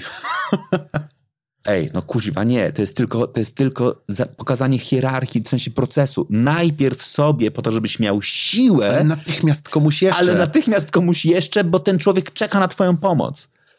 Ostatnio miałem przepiękną rozmowę z Alandem Anderszem, który faktycznie powiedział, że w momencie, w którym miał wypadek i leżał w szpitalu po śpiączce, największym trudem było to, jak dzwonili do niego znajomi i pytali, czy przyjść. I on mówił nie. Dlaczego mówił nie? Bo nie chciał, żeby go widzieli dokładnie, że jest Mhm. po, pokiereszowany po wypadku i tak dalej, i tak dalej. A jednocześnie najbardziej marzył o tym, żeby oni przyszli. I on powiedział, jest taka rada dla wszystkich, którzy jak macie kogoś w szpitalu, to go kuźwa nie pytajcie, czy, chce- czy chcecie, żeby przyjść, tylko przyjdźcie. Tak. Bo on najprawdopodobniej... Ba- Stłamście go dobrocią. Dokładnie. On, ba- on bardzo chce, żebyście przyszli, ale jak go spytacie, czy chcesz, żebyś Nie, przyszedł, powie, że nie. to on powie nie, bo on nie chce ci widzieć w momencie słabości. I to jest taka wrażliwość na to, żeby to, co ty powiedziałeś, oczywiście dawajmy sobie prawo do tego, żeby powiedzieć, hej, nie muszę być doskonały, poproszę o pomoc, ale jednocześnie, jeżeli widzisz, że ktoś Tak. potrzebuje pomocy, to go kuźwa nie pytaj, czy on potrzebuje takiego- pomocy, tylko mu jej udziel. Mam takiego kumpla, e, miałem kiedyś ogromne, ogromnego doła, coś tam się złego stało w moim życiu i właśnie dużo, dużo moich znajomych, jacyś bliższych ludzi się spytało, czy do mnie wpaść, czy mnie Mhm. wesprzeć. Ja oczywiście powiedziałem wszystkim, że nie, bo nie czułem się sobą, czułem się smutny, czułem się gówniany w rozmowie, nie chciałem ich dołować. A jeden mój kumpel po prostu przeczytał moją wiadomość na Messengerze, zobaczyłem ikonkę, że ją przeczytał. Po czym po później był. 30 minutach zadzwonił mi do drzwi z dwoma kebabami, e, czwor, czwórką browarków, rozsiadł się na kanapie, powiedział w dupie mam to, czy chcesz być sam, czy nie i tak nie będziesz. Wow. Najwyżej mnie wygonisz za trzy godziny, możesz sobie włączyć stoper. Nic mnie nie obchodzi twoja opinia. Siedzę z tobą i jem kebaba. I Piękne. Oczywiście byłem na niego przez jakieś 10 minut zły, a teraz o tym myślę, że mi odratował psychikę tamtego wieczoru. No. Bo mogłem to źle znosić tygodniami, a on dosłownie mi dźwignął awaryjnie w ciągu trzech godzin. I to jest ten moment, w I którym... zasnąłem spokojny. I już kolejnego ranka wstałem z takim poczuciem, okej, ja jakoś przez to przejdę. Rozumiesz? Mhm. Bo ktoś mi podpowiedział, że można. Dzień wcześniej, rozśmieszając mnie absolutnie najgłupszymi filmikami na YouTubie, jakie tylko istnieją. I co? I naprawdę nie trzeba więcej. Ale gdyby się spytał, powiedziałbym, że nie. No bo kurde, no bo w momencie, w którym Bo najbardziej... się pot- wstydzę. bo w którym najbardziej potrzebujesz tej pomocy, najczęściej jej odmawiasz. No bo dokładnie co powiedziałeś, nie czujesz się dobrze ze sam ze sobą, no to jak chcesz, żeby inni byli z tobą, skoro ty się sam ze sobą dobrze Ja się nie, czujesz? czuję kompetentny, bo nie mam, wiesz, uprawnień psychoterapeuty, więc nigdy nie poruszam tego tematu publicznie, ale tak z moich prywatnych obserwacji, ja mam dokładnie ten sam lek, o którym wspomniałeś, że wszyscy kończą terapię w połowie. Bo jest ten... y, mm, Znaczy nie wszyscy, ale Nie, to jakby trend, Trend. jest, Jest- taki, jest- że doczytujemy książki do połowy i również z terapii mykamy w momencie, w którym czujemy hmm, brak ssania w dół Być Tak. może, ale nie doczekujemy, nie dosiadamy do momentu, w którym, e, jakby to ujął profesor Kazimierz Dąbrowski, rozpoczyna się kanalizacja energii ku górze. Że zaczynamy w tak żyć trochę bardziej, wiesz, jako, jako upadanie na grupę. I ja znowu się odniosę do tej mojej wysokosprawczości, wiesz, bo ja mam taką filozofię roboczą własną, którą nazywam filozofią półtora człowieka, czyli jest moim obowiązkiem żyć tak, by mieć. Ja sporo odpoczywam, wiesz? Bo jakby nikomu nic nie będzie z tego, że jestem wyprany. Ja naprawdę, jest takie powiedzonko żartobliwe, że jeśli byś teraz poprosił mnie o dychę, to ja muszę mieć dychę, żeby ci ją dać. A najlepiej, żebym miał stówę, to wtedy nie zauważysz nawet, że ci pożyczyłem dychę i mam to w dupie. A jeśli ktoś żyje tak, że wiecznie się wypłukuje do zera, to jak ktoś cię poprosi o dychę, a ty masz zero, to wpadasz wręcz w panikę, zaczynasz się grodzić przed ludźmi, nie? Co gorsza, jak mu pożyczysz, to jeszcze ich przestajesz lubić. Tak, Bo musiałeś się, Ojej, za, dokładnie się tak. zadłużyć, żeby komuś pożyczyć. dokładnie bo tak, bo taką- się czujesz zobowiązany. No. Mhm. O, ja będę musiał to przemyśleć. Nie pomyślałem o tym, że ludzie to nie to, faktycznie ludzie, dlatego są tak zachwyceni tym takim zbrojny, zbrojnymi granicami, bo się całe życie zadłużali i jedyne do czego dochodzą to ten moment mówienia nie. Mhm. Dokładnie A jest tak. jeszcze dalszy moment, mianowicie życie tak, żeby mieć wiecznie wygenerowane, wiesz, 5 stów w kieszeni, a, a i w tym momencie na luzie rozdajesz ludziom dyszki, gdy potrzebujesz. Ja nazywam to roboczo filozofią półtora człowieka, czyli ja staram się żyć tak, żeby co do zasady, częściej niż rzadziej, mieć pełną energię, żeby unieść siebie. Ja nie chcę być ciężarem społecznym dla innych, a chcę żyć społecznie, nie chcę być odludkiem, to nie ma żadnego sensu. Choć jest duża moda współcześnie na to, że wszyscy są takimi odludkami dziwnymi, tak sobie żyją obok siebie. Ale dodatkowo ja chcę częściej niż rzadziej mieć jeszcze siłę unieść pół człowieka. Mhm. Bo ja nigdy nie wiem kogo. Mi się czasami zdarza, wpadam do wiesz, coworku, sądząc, że popiję kawkę, pogadam o głupotach, popracuję, a nagle bierze mnie na stronę kumpel i mi mówi, że, że wiesz, jego córeczka jest w tym momencie na terapii, on jest przerażony. Nie wiesz, kiedy się wydarzy coś takiego. A ja bardzo chcę być człowiekiem, o którym ten kumpel wie, że można do mnie z tym przyjść, bo on właśnie miał atak lękowy w biurze i ja się cieszę, ogromnie się cieszę, że mam ten przywilej móc być dla niego oparciem tego dnia i ja wiem, że to jest człowiek, który może być oparciem dla mnie. Ja również jak będę miał kiedyś doła, do niego podejdę i powiem, typie, masz pół godziny, bo ja już nie radzę sobie sam w tej przestrzeni. I ja strasznie staram się żyć w ten sposób, bo bardzo, w ogóle moje największe marzenie, żeby żyć w grupie, która tak funkcjonuje, bo ja też chcę móc się wypieprzyć na plecy i po prostu powiedzieć, ja dziś upadłem. Mhm. I jestem ogromnie uprzywilejowanym człowiekiem, że poznałem w życiu parę osób, z którymi tak mogę. Mam. Moje najbliższe otoczenie tak funkcjonuje. I ja dzięki niemu działam. Ale jak ja sobie pomyślę, że ludzie nie mają takiego otoczenia, mnie po prostu zdejmuje przerażenie. Jaki to musi być tragiczny stan emocjonalny, żyć bez tej siatki bezpieczeństwa pod dupą, bo ja mam tę siatkę bezpieczeństwa. Ja czuję, że ja w każdej chwili mogę się rozpieprzyć i mam przynajmniej 3-4 numery telefonów, po których po drugiej stronie, żartobliwie mówiąc, czeka kebabik i browar, nie? I rozśmieszanie mnie i po prostu ja nie oczekuję rozwiązań, po prostu pobyć. Wiesz o co chodzi? Takie zwykłe niebycie samemu w tej wichurze podłej, nie? Która jest wiecznie na dworzu. A, a przeraża mnie to, że ludzie nie budują sobie takich siatek. I to jest właśnie to, co mówisz. To jest ta druga część książki Siedem nawyków skutecznego działania. Bo ja, żeby móc budować taką strukturę, ja sam muszę sobie pozwolić na okazywanie słabości i ja nigdy nie mogę ocenić słabości drugiego człowieka. Żadnych podśmiechujek, żadnych takich durnot, wiesz. I to wymaga przepracowania, to wymaga przygotowania, ale to jest szczerze nie aż tak trudne, kiedy szukasz tego i masz na to potrzebę w życiu i masz na to gotowość. Jak druga osoba też chce, to to nie jest jakaś najtrudniejsza rzecz na świecie. Dogadać się, że macie taką relację. Tylko jest przerażające, wiesz, wyrazić zainteresowanie tą relacją, jak jeszcze nie wiesz, czy wiesz, drugie, drugie osoby tak chcą działać. Mhm. Wiesz co, to jest trochę tak, jak teraz znowu gigantyczna dygresja, ale ja kocham wszystkie filmy akurat o scoutingu, czyli o poszukiwaniu zawodników. Kocham książki o scoutingu, w ogóle kocham rozmawiać ze scoutami też. Ile czyli- razy widziałeś Moneyball? Jezus, miliard razy. Ale wiesz co, e, też no, no mam tę przyjemność, tak, że znam dość wielu skautów, pewnie też pracujących dla topowych drużyn światowych. Jak z nimi rozmawiasz, to oni bardzo często to mówią, że jest ten moment, w którym widzisz zawodnika i często ogl- oglądasz go indywidualnie, no bo widzisz jego indywidualne umiejętności, predyspozycje, technikę, wydolność i tak dalej. A później na testach musisz go wsadzić w grupę. I musisz zobaczyć, czy on potrafi grać na zespół, czy gra na siebie. Czy on dokładnie jest bardziej zainteresowany podaniem i ustawieniem się w tym, żeby ktoś inny mógł mu podać, czy sam rozgrywa akcję. I niestety mówią, że dopóki w cudzysłowie szukamy dwunastolatka, okej, ten scouting jest trochę inny, to tam możemy sobie szukać indywidualnych umiejętności. Ale jak szukasz dojrzałych zawodników, to choćbyś był wybitny, jeśli chodzi o swoje umiejętności indywidualne, ale jeżeli dalej grasz na siebie, to nikt poważny cię nie weźmie do drużyny. Bo dokładnie to, o czym powiedziałeś, drużyna jest dokładnie o tym, żeby na, siebie, na sobie polegać i na tym, żeby dokładnie widzieć przestrzeń pozostałych, tak? I widzieć tego, że nie wiem, masz dobrą okazję, ale kątem oka widzisz gościa, który jest ustawiony znacznie lepiej. Podaj mu piłkę, tak? To jest dokładnie ten moment, kiedy oddaj. To nie ma być twoja chwila. Znaczy, jeśli grasz w sporty indywidualne, to to ma być twoja chwila chwały, ale nie grasz... Sportu. Wiesz co, to jest, to jest, to teraz musielibyśmy wrócić do, do teorii sportu, nie ma sportów indywidualnych. Wyobraziłem sobie porównanie, wiesz, kogoś, kto gra jakby tenisistów i, i powiedzmy piłkarzy ręcznych, no to, to jakby wiesz. Są tylko sporty, w których start jest indywidualny, każdy sport jest zespołowy. A tak to widzisz, dobra, zwracam honor. Dalej Oczywiście, masz, że dalej tak. masz cały, Oczywiście, że tak, jest cała ekipa przecież. Cała ekipa, która jest dokładnie dookoła, której musisz, nie wiem, być w stanie pójść do masera i powiedzieć, stary, naprawdę mnie boli, zamiast pójść do masera i mówić wszystko w porządku, tylko tam, wiesz... Bo się popisujesz. Bo się popisujesz i tak dalej, i tak dalej. Znaczy, ty, ty, tych elementów jest nam bardzo, bardzo dużo. Wejdę, wiesz co, do, dorzucę ci jeden temat, który mi teraz bardzo chodzi no. po głowie. Ja bardzo dużo właśnie zajmując się wysokosprawczością myślę o tym, jak my nie rozumiemy słów i to mhm. jest temat, który wydaje mi się, że jest obok. Spróbuję teraz jakby przyję to na żywo i spróbuję tak by ułożyć. E, e, najwyżej mi nie wyjdzie. I myślę o tym, że jedną z najważniejszych, najbardziej kluczowych rzeczy w człowieku jest branie odpowiedzialności, w ogóle życie odpowiedzialne. I to jest coś, przed czym wszyscy uciekają, to jest absolutna plaga globalna i nigdy nie było inaczej, to nie jest jakaś plaga, mm-hmm. u, milenialsi są durni, zetki są durne. Nie, każdy człowiek w historii uciekał od odpowiedzialności, a każdy człowiek, którego kochamy, podziwiamy, lubimy i jest, wiesz, jakby taką ważną istotą, czy to, nie wiem, właśnie w świecie sportu, czy to, mhm. e, czy to czy gdzieś tam w świecie polityki i tak dalej, to była osoba, która brała pełną odpowiedzialność, wiesz, po prostu rozumiała, mhm. że każdy człowiek na świecie jest odpowiedzialny za to, co mówi, za to, co robi, za to, czego nie mówi, mhm. za to, mhm. co przeczekuje.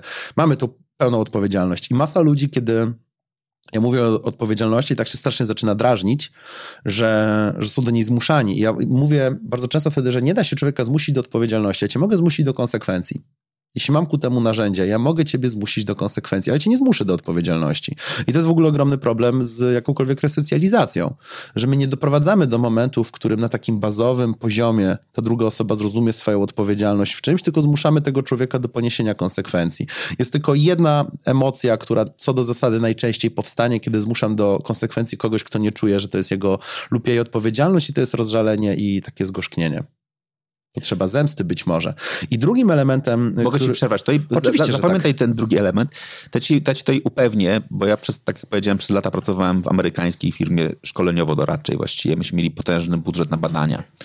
I robiliśmy badania na, na całym świecie nad e, efektywnością w dużej mhm. mierze.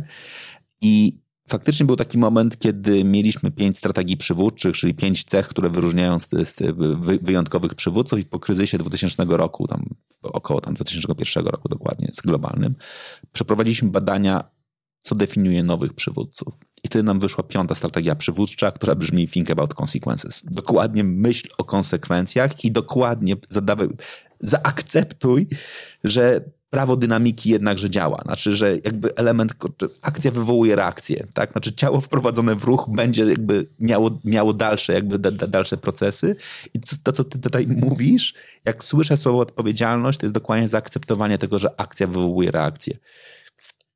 I my chcielibyśmy podejmować akcję, z nadzieją, że reakcja będzie inna. Tak. Niż A, to tak, jest moje marzenie. Człowieka mam ogromną tak, ochotę tak, wpieprzeć ciastka i sądzić, że od nich schudnę, ale no dokładnie no niestety, tak, dokładnie tak. Wiesz, nie bardzo, nie?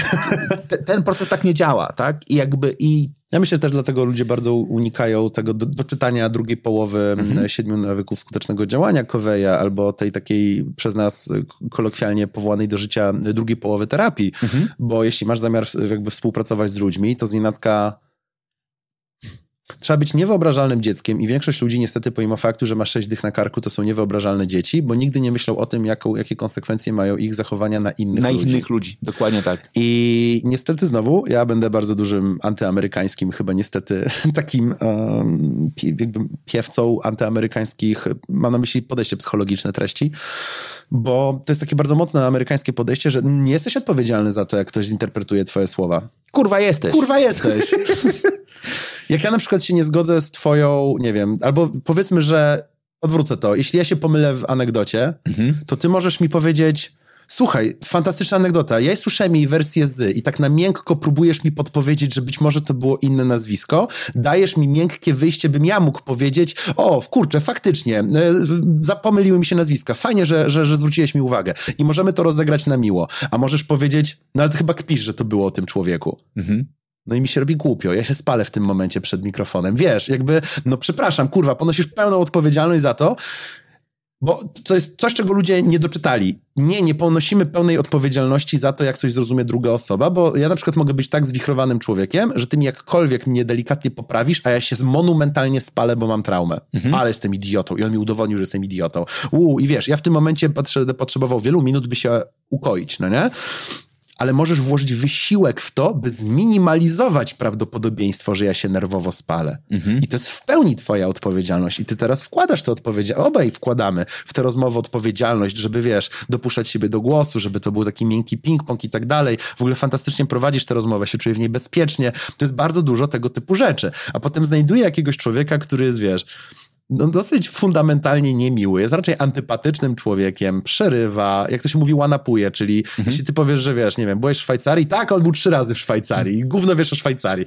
Nienawidzę gadać z takimi ludźmi i ta osoba oczywiście bardzo prawdopodobne, że będzie powtarzała ten durny frazes, no ale nie jestem odpowiedzialny za to, jak inni reagują na moje słowa. Nie, kurwa, jesteś stary, bo mówisz rzeczy nieempatycznie, bez najmniejszego przemyślenia, jaki jest najbardziej prawdopodobny outcome twoich słów, bo są wypowiedzi ryzykowne. Mhm. I wtedy w mojej opinii jest moim psim obowiązkiem tak bardzo się zastanowić, jaki je powiem, by zmaksymalizować outcome niegroźny, nieszkodliwy dla kogoś, który wywoła komunikację, a nie poczucie ataku i tak dalej, a w wypowiedziach mało ryzykownych nadal sądzę, że uprzejmość jest czymś, wiesz, no wręcz fundamentalnie ważnym społecznie.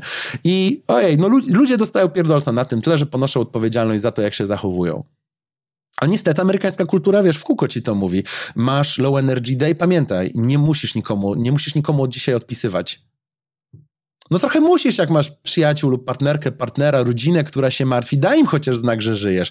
Tak jakby, nie wiem, korona, wiesz, nie mówię do ciebie oczywiście, mówię do takiej fikcyjnej totalnie osoby. Tak, totalnie tak. Kurde, koron, nie wiem, aż tak, aż tak masz low energy day, że nie umiesz odpisać na jeden message, wiesz co, żyję, źle się czuję, dam znać jutro. A są tacy ludzie, którzy nawet na taki jeden nie, nie potrafią.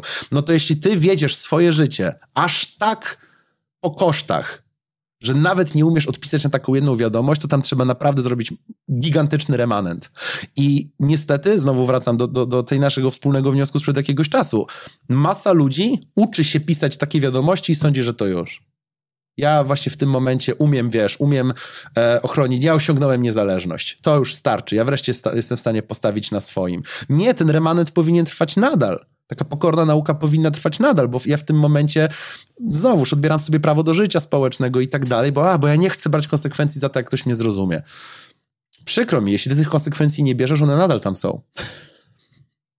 Czasami, ale to jest ciekawe, bo to jest dokładnie ten moment, o którym mówimy. Czasami wiemy. Dobra, zacznę jeszcze szerzej psychologii mówi się, że nie ma niekomunikacji. Znaczy, nawet jeżeli nic nie mówisz, to mówisz. Znaczy, tak. generalnie dokładnie jakby ten element. I teraz my często wiemy, że nasz komunikat wywoła pewną reakcję. I my kurwa to wiemy. Tak? tak. My wiemy, jak nie wiem, moja mama do mnie dzwoni i wiem, że jak do niej nie oddzwonię, to ona będzie, to ona będzie zdenerwowana. Po prostu tak -hmm. ma. Mm -hmm. Znam -hmm. ją 45 lat swojego życia. Od 45 lat. Mniej więcej wiesz, co zrobi. Za każdym razem wiem, że jeżeli długo się nie odzywam, to ona się denerwuje. I teraz mogę zrobić dwie rzeczy. Pierwsza rzecz, mogę powiedzieć, gówno, nie interesujemy, to nie jest mój problem. To jest jej problem, że ona się denerwuje, mm -hmm. jak ktoś długo nie odzywa i do niej nie odzywać. Albo sobie myśleć, dobra, no, co mi szkodzi, jak do niej napiszę i powiem, hej, mama, wszystko dobrze, jestem zawalony. Nie martw się, zadzwonię za cztery dni, po prostu jestem w dużym projekcie, nie mam czasu mm -hmm. tyle, tyle gadać a my częściej dokładnie wkurzamy się, że ona trzeci raz dzwoni w ciągu jednego dnia i już po tym trzecim mówimy, sobie jeszcze włączamy jakieś historie, po tym znowu jest kontrolująca, zachowuje się tak, jak mhm. miałem 11 lat. I zaczynamy dokładnie ale to działać. My sobie to, sami nakręcamy to, totalnie, ten schemat Totalnie wtedy. przeciwskutecznie. Tak. Zamiast sobie powiedzieć, hej, wezmę odpowiedzialność za swoje zachowanie i za to, jak ono wpłynie na inną osobę. That's all. To ułatwi nam wszystkim życie. No. Ale mamy czasy, bo to, to, co mówisz, jest ludzką reakcją, mam wrażenie, takie, takie siadanie okrakiem do ludzi, co do których wiemy, że ich zachowanie jest niewygodne. Wydaje mi się, że w ogóle relacje z rodzicami są pełne tego typu um, zakopanych w ziemi min przeciwpiechotnych i nie da się ich odkopać, ale wiesz, gdzie są. Jest jakby możesz albo w nie wdepnąć, albo je ominąć, ale jakby nie jesteś w stanie tego zneutralizować długofalowo. Znasz tę ścieżkę, no nie? Jeśli nie chcesz ich detonować. Mhm. Myślę sobie, że Żyjemy też w czasach, które niesamowicie infantylizują dorosłych. Jest taka badaczka brytyjska, którą bardzo lubię, nazywa się Sirut Chawla. Ogromnie kocham to, co ona publikuje, z psycholożką. I ona właśnie, i cała, cała komunikacja i wszystko, czym ona się zajmuje, jest związane z tym, że żyjemy w czasach, które infantylizują dorosłych potężnie. I mamy pokolenie infantylnych, dziecinnych dorosłych, dla których, którzy wymagają, ojejku, przy ogromnej w skali wręcz pracy, żeby w ogóle móc funkcjonować jakby ze sobą i tak dalej. I na myśl o tym, że oni jeszcze muszą włożyć dodatkową pracę, żeby współżyć z innymi, no to w tym momencie się już resetuje, resetuje psychika. I powiem ci, że jestem przestraszony, bo ja też rozumiem tych ludzi, w sensie ja rozumiem ludzi, którzy unikają takiej odpowiedzialności w takim sensie, że no nie wybieramy tego, jakie mamy gdzieś tam lęki i tak dalej. W sensie my w pewnym sensie dostajemy karty, e, które są rozdane, kiedy, kiedy dostajemy jakieś, wiesz, traumy od rodziców w prezencie, bo oczywiście, że dostajemy traumy od rodziców w prezencie. Mhm. Jak jeszcze nie jesteśmy do końca samostanowiący, jak jesteśmy młodzi, to tam się kolejne traumy dzieją. No i potem wchodzimy z jakąś formą schrzanienia bani we wczesne lata dwudzieste naszego życia. I powstaje pytanie, co my z tym robimy. I kurde, ja kumam, że to jest trudne, żeby z tego powychodzić. Tylko właśnie gdzieś tam mam taki ogromny żal, że nie mówi się kulturowo, bo jest coraz większa akceptacja i popularyzacja tego, że można chodzić na terapię, że jest psychologia, że warto o siebie dbać, że warto zaklejać, e, nie trzeba żyć z traumą resztę życia, przynajmniej nie z rozognioną. Można ten mhm. stan zapalny ukoić, nauczyć się strategii samoukajania, samoregulacji emocji, można oswoić te tematy, można powołać do życia narzędzia, żeby iść przez życie mhm. tak, że sam siebie jeszcze nie, nie zapalasz potrójnie, ale właśnie gdzieś jest ten moment, który wszyscy przegapiają, żeby też się nauczyć, wiesz, brać tę odpowiedzialność za innych i to jest ten moment, w którym wszyscy gaszą telewizor. A, już dobra, obejrzałem ten dokument Netflixa, jesteśmy na odcinku piątym z dziesięciu, starczy. Ja już tak. wszystko wiem, luz. Znaczy, nauczyłeś się zakładać sobie maseczkę, zajebiście. No. Oddychasz, to jest fajnie, nie dusisz no. się. To teraz się rozejrzyj, komu możesz pomóc. Moi rodzice są psychologami.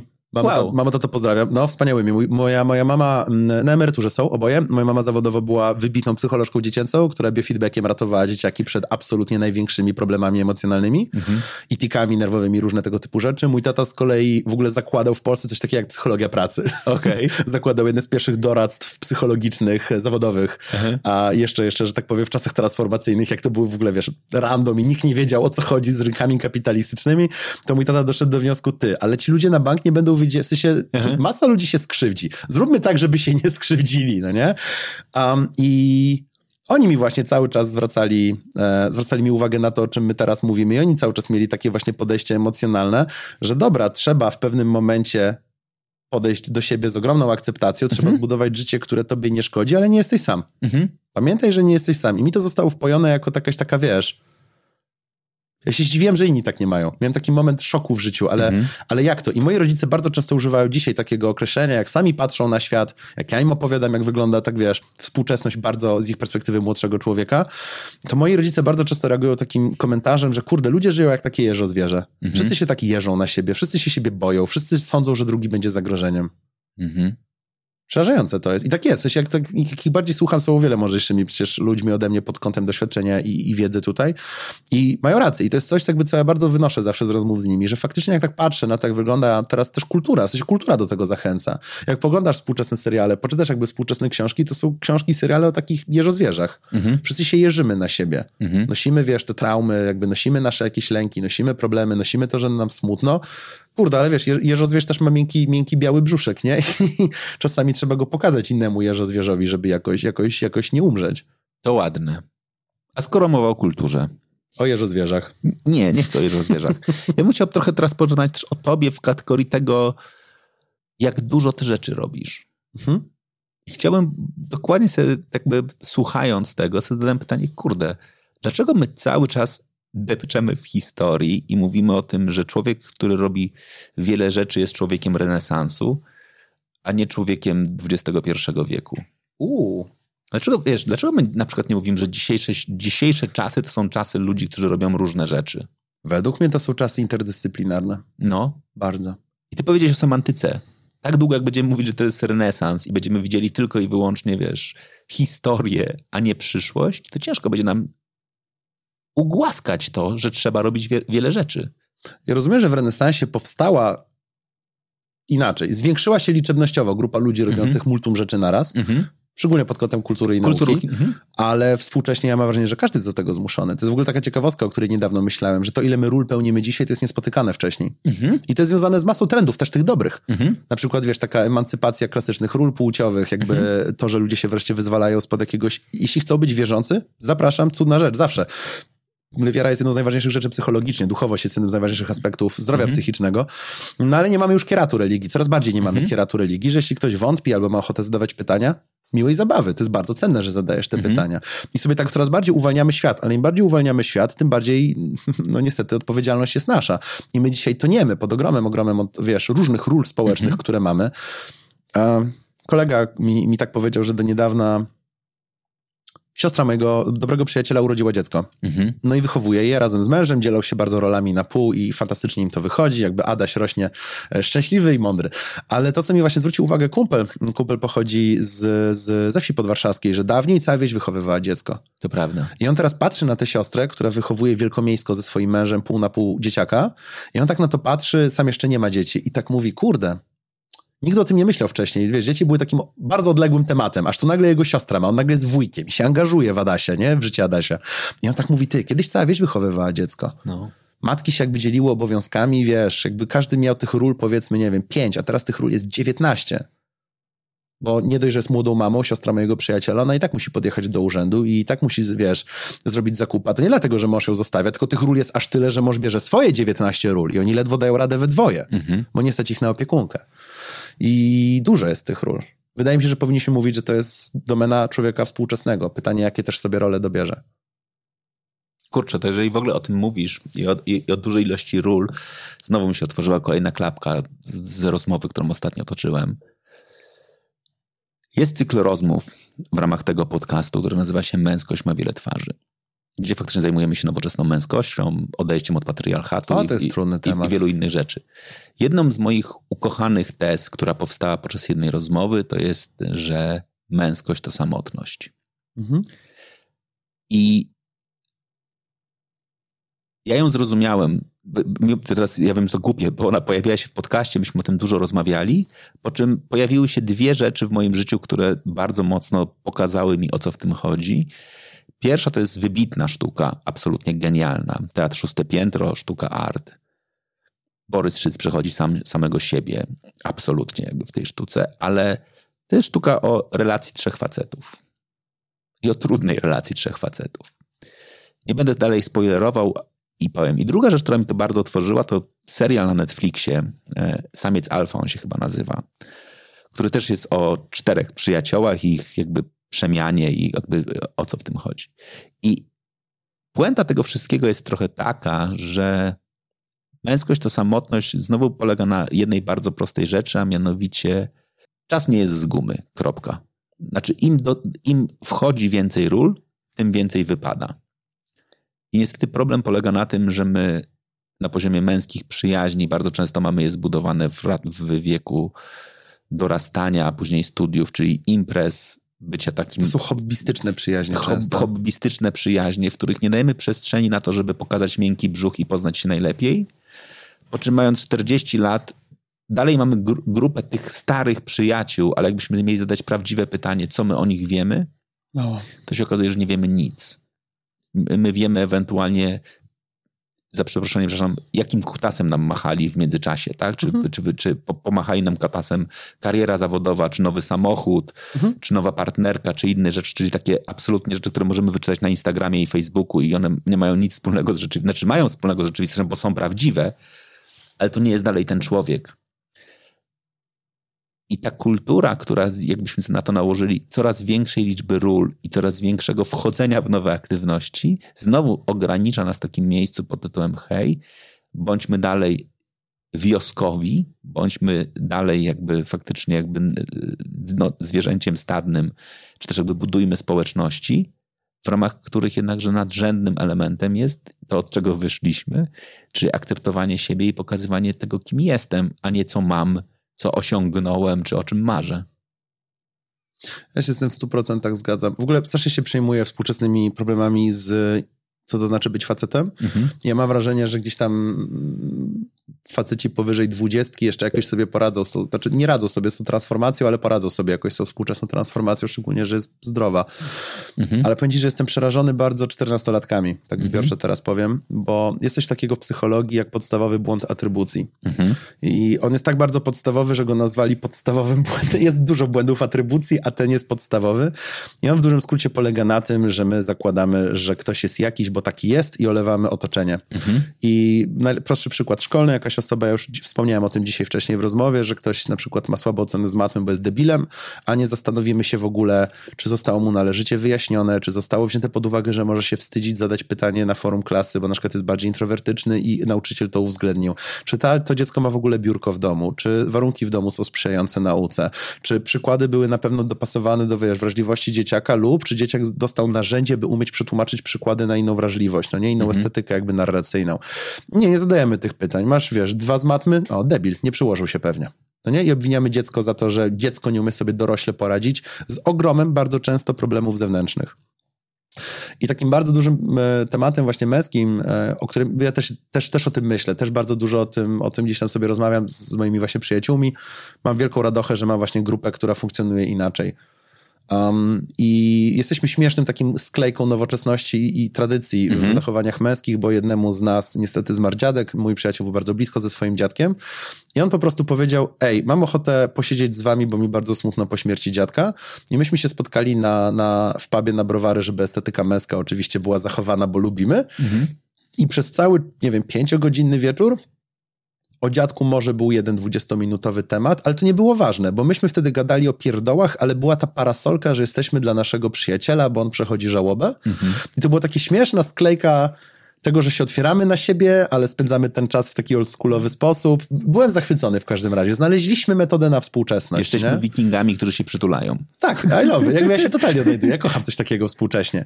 I myślę bardzo mocno o, o tych mm, chłopakach teraz, i chcę zwrócić uwagę taką, jeśli, jeśli, jeśli ktokolwiek by zwrócił na to też uwagę, byłoby fajnie, obwiniamy, bo problem jest taki, że jest uniwersalne narzekanie na to, że 14-letni, 13-letni chłopcy z TikTokiem oglądają różne ultratoksyczne persony. I to jest taki bardzo duży temat współcześnie, mhm. którym ja też się zajmuję. I absolutnie ci chłopcy są obwiniani za to, że oglądają gówno. Mhm. Ja tak sobie myślę o podstawowym błędzie atrybucji i się zastanawiam, że nie ma. Znam bardzo wiele głosów, które super elokwentnie napieprzają w 14-letnich chłopców, że oglądają gówno na TikToku. Mhm. I nie znam ani jednej osoby, która do tych chłopaków w ich estetyce, w ich kulturze próbuje wyciągnąć pomocną dłoń, która im pomoże się dźwignąć na ich zasadach, tak żeby oni poczuli, że są akceptowani w świecie. I to jest coś, co mi dosłownie ja już się teraz denerwuję, tak wiesz, na, na granicy tego, że mi głos zaraz będzie drżał. W sensie to jest coś, co we mnie wywołuje przepotężny lęk, przerażenie i złość na to, jak jest traktowana ogromna, dorastająca grupa społeczna, która jest wycięta i mocno wykluczona kulturowo. A przypominam, że mówimy o drastycznie nieletnich nastolatkach. Mhm. A są rozliczani, jak wiesz, dorośli, którzy mają 41 lat i sami sobie jakby dobierają, co oglądają na Netflixie. No nie do końca, bo są też dzieciaki w sidłach algorytmu na TikToku, którego nie rozumieją, bo nie my rozumiem. jesteśmy, słuchaj, dwaj, y, dorośli, ja też nie rozumiem, jak działa algorytm na TikToku. A nawet jak rozumiemy, to i tak, e, w sensie rozumiemy, że jest, a i tak się dajemy. A i tak się dajemy. No, bo to, to, jest taka, w kontekście męskości, to jest tak trochę zupełnie, wiesz, z lewej strony po prostu chcę o tym wspomnieć publicznie. To jest ładne, wiesz, bo... Jakby... I mnie to przeraża, że jakby tyle gadamy o, o tym takiej akceptowaniu, o pomaganiu sobie nawzajem, po czym mamy jakby, no niestety, mocno spolaryzowaną grupę, która jest jeszcze bardziej polaryzowana i ona w kółko słyszy, że to jest ich wina. A przypominam, mówimy o dzieciach. Wow. Nie traktujemy ich jak dzieci. Wymagamy od nich dorosłości w doborze treści, które konsumują, wiesz, a mówimy o dzieciach, nie? W sensie to jest dawne gimnazjum. Mhm. Są jakby dzieciaki, którym nawet nie do końca pozwalamy, wiesz, według amerykańskiego prawa od 13 roku życia dopiero możesz konto w internecie założyć, no nie? Na bardzo tych wielu portalach mhm. jest taka ikonka. Mhm w ogóle nie traktujemy ich jak dzieci. Nie staramy się im pomóc, tylko wrzeszczymy na, na, na chłopaków w tym bardzo młodym wieku, że powinni, wiesz, że, że powinni. Mamy od nich 4,5 tysiąca wymagań i absolutnie żadnej kładki im nawet nie próbujemy przerzucić przez ich, wiesz, stan obecny, a stan pożądany. Wydaje mi się, że nie ma tam przerzuconych kładek, żeby oni, wiesz, mieli łatwość przejścia.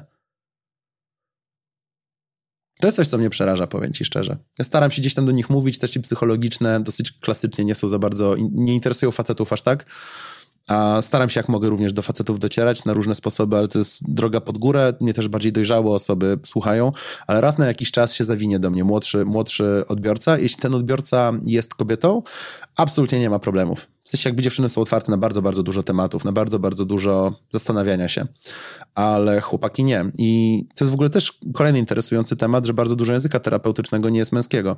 Mhm. Ja na przykład jestem na tyle, ja studiowałem też psychologię na SWPS-ie, moja mama jest bardzo silną jednostką i, i, jakby też naukowczynią i gdzieś tam wzrosłem w tym, że ja sobie radzę z takim tradycyjnie kobiecym słownictwem, tradycyjnie kobiecą narracją, ale jest masa dorosłych kolesi, którzy jak słyszą o tym, że muszą dać sobie przestrzeń i pobyć bardziej w ciele, no to oni mówiąc krótko dostaną pierdolca, parskną i wyjdą. I jeśli tak, jeśli tak się zachowuje 30-kilkuletni facet, ja go nadal rozumiem, ale również od niego trochę więcej wymagam. No, stary, spokorniej i przywyknij, że pewna wiedza ma pewną estetykę, no nie? Jeśli chcesz. Ale ja go też rozumiem, bo ja tak mam. Ja również często dostaję pierdolca, bo ja, stary, ja bardzo nie lubię języka współczesnej psychologii. Jest dla mnie tak na paluszkach dookoła. On mnie drażni. Ja jestem bardzo bezpośrednim człowiekiem. Ja dużo klnę. Ja bardzo lubię szorstkość w relacjach. Taki, taki mam charakter. A nie wolno tak mówić, bo to jest, wiesz, to jest, to jest atakujące. Um, ale mówię, jeszcze od dorosłego typa wymagam więcej. Dorosły typie, spokorniej i po prostu, jeśli chcesz poznać tę wiedzę, to poczytaj tę wiedzę w estetyce, w której jest dostępna. Bardzo dużo w ogóle kminie o estetyce e, w rozumieniu takiego zabarwienia kultury, w rozumieniu narracji, w rozumieniu słownictwa, z którym się czujesz pewnie. Ale wymaganie tego od dziecka wydaje mi się upiornie podłe wydaje mi się podłe, że jest sobie nastolatek, który absolutnie nie rozumie, że to do niego, bo to nie jest słownictwo, którym mhm. on operuje. Bo on operuje słownictwem pełnym wulgaryzmów, no i okej, okay, może nie, nie zachęcam psychologów, by kurwili na lewo i prawo w mhm. wypowiedziach, ale zachęcam do psychologów, by mówili prosto. Mhm. Mówili zajebiście rzeczowo. Nie mówili, daj sobie przestrzeń. Jeszcze tym takim e, tonem z przegłosem, z tym takim przeponowym, dodatkowym brzmieniem. Zagwarantuj sobie odrobinę energii. To nie przemówi do czternastolatka. Do czternastolatka przemówi typie, ale masz masz świadomość, że możesz siąść i po prostu być i nikt cię nie oceni? Jesteś spoko taki, jaki jesteś. Pamiętaj o tym. Siądź po prostu, odpocznij czasem, zastanów się, co lubisz. I inni też się zastanawiają, to jest normalne. Wcale nie jesteś jakiś, wiesz, pierdolnięty, że tak robisz. To jest narracja, którą docierasz do nastolatków. To jest jedyna, do której, wiesz, którą gdybyś używał, przybiłbyś się do mnie, gdy byłem takim gówniarzem. I to jest coś, o czym strasznie dużo myślę. Jak my bardzo, bardzo wymagamy od dzieci, żeby byli niewyobrażalnie kompetentnymi dorosłymi, a jak im nie wychodzi bycie kompetentnymi dorosłymi, oskarżamy dzieci, że są głupie, że są złym pokoleniem. I totalnie z jakiegoś powodu wszyscy przymknęli na to oko. To jest niesamowite. Niesamowite jest to, jak bardzo jest to mi bliskie, w takim sensie, że ja zacząłem się zajmować tematem faktycznie nowoczesnej męskości, choć nie lubię tego słowa, zmian modelu męskości, dlatego, że mam dwóch synów. Jeden ma 14 lat, drugi ma 12 i ja sobie pomyślałem, że chcę zbudować świat trochę lepszy dla nich. Znaczy chcę zacząć jakby budować ten świat, w którym będzie im łatwiej. I teraz dokładnie poruszasz te tematy. Mam takie przekonanie, że chciałbym o tym z tobą porozmawiać jeszcze kiedyś. Ja sam dzieci nie mam, ale przez moją pracę mam dosyć dużo kontaktu, wiesz, z odbiorcami, którzy są stanowczo zbyt młodzi na moje treści. Bardzo dużo o tym myślę i bardzo dużo się tym zastanawiam, więc pod kątem takiego teoretycznego rozkminiania chętnie, ale bardzo liczę, że pierwiastek praktyczny cieszę to od ciebie w tej rozmowie. Z przyjemnością. To to jest dobre miejsce, żeby postawić kropkę. Bardzo Ci dziękuję za tę rozmowę. Również dziękuję. Dziękuję Ci bardzo, że mnie zabrałeś do świata, w którym na początku byłem przekonany, że będziemy mówili o silniejszym ja, o tym wykorzystywaniu swoich zasobów i, o, i czerpaniu z siebie. I bardzo Ci dziękuję, że przyszliśmy do świata my, w którym myślimy o tym, że cała wartość w byciu i w skuteczności bierze się z tego, że jednakże jesteśmy społeczni. Dzięki bardzo. Wiesz co, cieszę się przede wszystkim, że znalazłem rozmówcę, z którym mogłem powymieniać te wnioski i poczułem takie bezpieczeństwo, że możemy sobie o tym we dwóch pogadać, bo mam takie mocne poczucie, że to wymaga bardzo też, swoją drogą, duża piona dla twoich słuchaczek i słuchaczy, że chcą być przy takich treściach, bo zauważyłem, ja mam, wiesz co, newsletter prowadzę mm -hmm. i mój mhm. newsletter wychodzi w poniedziałki i piątki. Mm -hmm. Ja w poniedziałki wy, wy, wypuszczam tak zwane głaski, a w mm -hmm. piątki tak zwane szturchy. Czyli w poniedziałek jest jakaś wiadomość z że tak powiem, wygodną psychologią, a w mhm. piątek z tak zwaną niewygodną, niewygodną psychologią. I to jest coś, co mnie zawsze zastanawia, że Ja się długo zastanawiałem, czy, bo oczywiście na część tych maili dostaję 600 wiadomości zwrotnych z napisem w punkt, amen, dokładnie, jak dobrze, że ktoś to powiedział, a na część tych wiadomości dostaję 50 zwrotek, nie znasz się, krzyw, wypuszczasz krzywdzące główna, w ogóle zamknij się, nie jesteś prawdziwym psychologiem i tak dalej. Ja się długo zastanawiałem, czy chodzi o to, czy to jest miłe, czy nie miłe, bo ja sobie robię takie po cichu eksperymenty na mojej grupie docelowej. Jak każdy, każdy psycholog robi sobie czasem po cichu eksperymenty, jak ma dostęp do czegokolwiek, co wiesz, możesz zrobić AB, grupę, um, grupę jakby badawczą i wiesz, grupę Kontrolną. kontrolną to absolutnie jest, zawsze się nie powstrzymasz się, żeby robić takie rzeczy. I zauważyłem, że jak im wysyłam trudne i łatwe wiadomości, nie budzi to reakcji agresywnej. Takiej, mówię wprost o reakcji Aha. agresywnej, bo nie to, że niechętnej. Ja dużo dostaję wiadomości, u stary, to było, wiesz, puch, muszę pomyśleć. Ja zawsze odpisuję, ej, piona, że się starasz. Mhm. Kurde, jakiej to odwagi wymaga, no nie? Że chcesz się postarać pomyśleć o czymś trudnym. Yo, naprawdę masz mój, masz mój respekt, a, a, a kolesiu lub kolesiu. Fantastycznie, nie? Bo mamy taką kolokwialną, nie, nieformalną mhm. relację mam z odbiorcami. A, łatwe, trudne? Nie. Wymagające, niewymagające? Nie. E, dające lub wy, wy, jakby proszące o coś? Nie. Ale podział jamy, natychmiastowa okay. reakcja, taka obrony przez atak. Ej, na przykład treść maila piątkowego. Ale wiesz, że nie jesteś sam, nie? Bo ja takie krótkie wysyłam te wiadomości. O człowieku, co się działo na mojej skrzynce odbiorczej. No ale może niektórzy, wiesz, i, i hyc, ale takie wyżygi, wiesz, takie nieproporcjonalne. Ja wysłałem pół, wiesz, dosłownie mniej niż 20 sylab, a dostaję na całą stronę maile zwrotne. I to jest jedyny temat, który budzi aż tak jawny opór. Ale jacy my? Ale jacy inni? To ja tutaj jestem, to ja mam zmagania. Ja tak sobie myślę, ale ja nie napisałem, że nie masz. Mhm. Co więcej, ja na 50 maili 47 wyślę o tym, że masz. Ja ci z nimi pomogę, ja je szanuję. Ty masz, absolutnie ci współczuję, że je masz i podziwiam, że coś z nimi robisz. To jest, to jest osobna dyskusja. Średnik. Ale wiesz, że inni też mają. I to jest ten przyczyn, element dyskusji, z którym ja ci powiem szczerze, się nie czuję pewnie w internecie. Bo też jestem człowiekiem, też mam wytrzymałość psychiczną. Nie jest jakby coś, czym się czuję pewnie, by móc zawsze, wiesz, poopowiadać. Sam szukam jeszcze języka. Gadaliśmy przed chwilą o estetyce, o kulturze, mhm. wypowiedzi. Szukam jeszcze języka, by móc o tym powiedzieć. By móc o tym głośniej mówić, by zastanowić się publiczniej. Skąd aż takie rozróżnienie? Więc bardzo się cieszę, że mogę odbić te myśli dzisiaj z tobą. Ja ci zapraszam do kolejnej rozmowy, żebyśmy je dalej odbijali.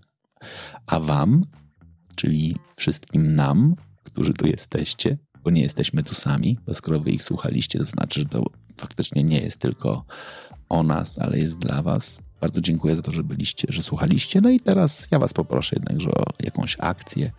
Podzielcie się z tymi rozmową, tą rozmową ze swoimi znajomymi. Napiszcie na Instagramie, Facebooku do nas wiadomość, z czym zostajecie, co was poruszyło, co was skurwiło, a co was spowodowało, że też tak macie. Dzięki bardzo. Dzięki, czołem.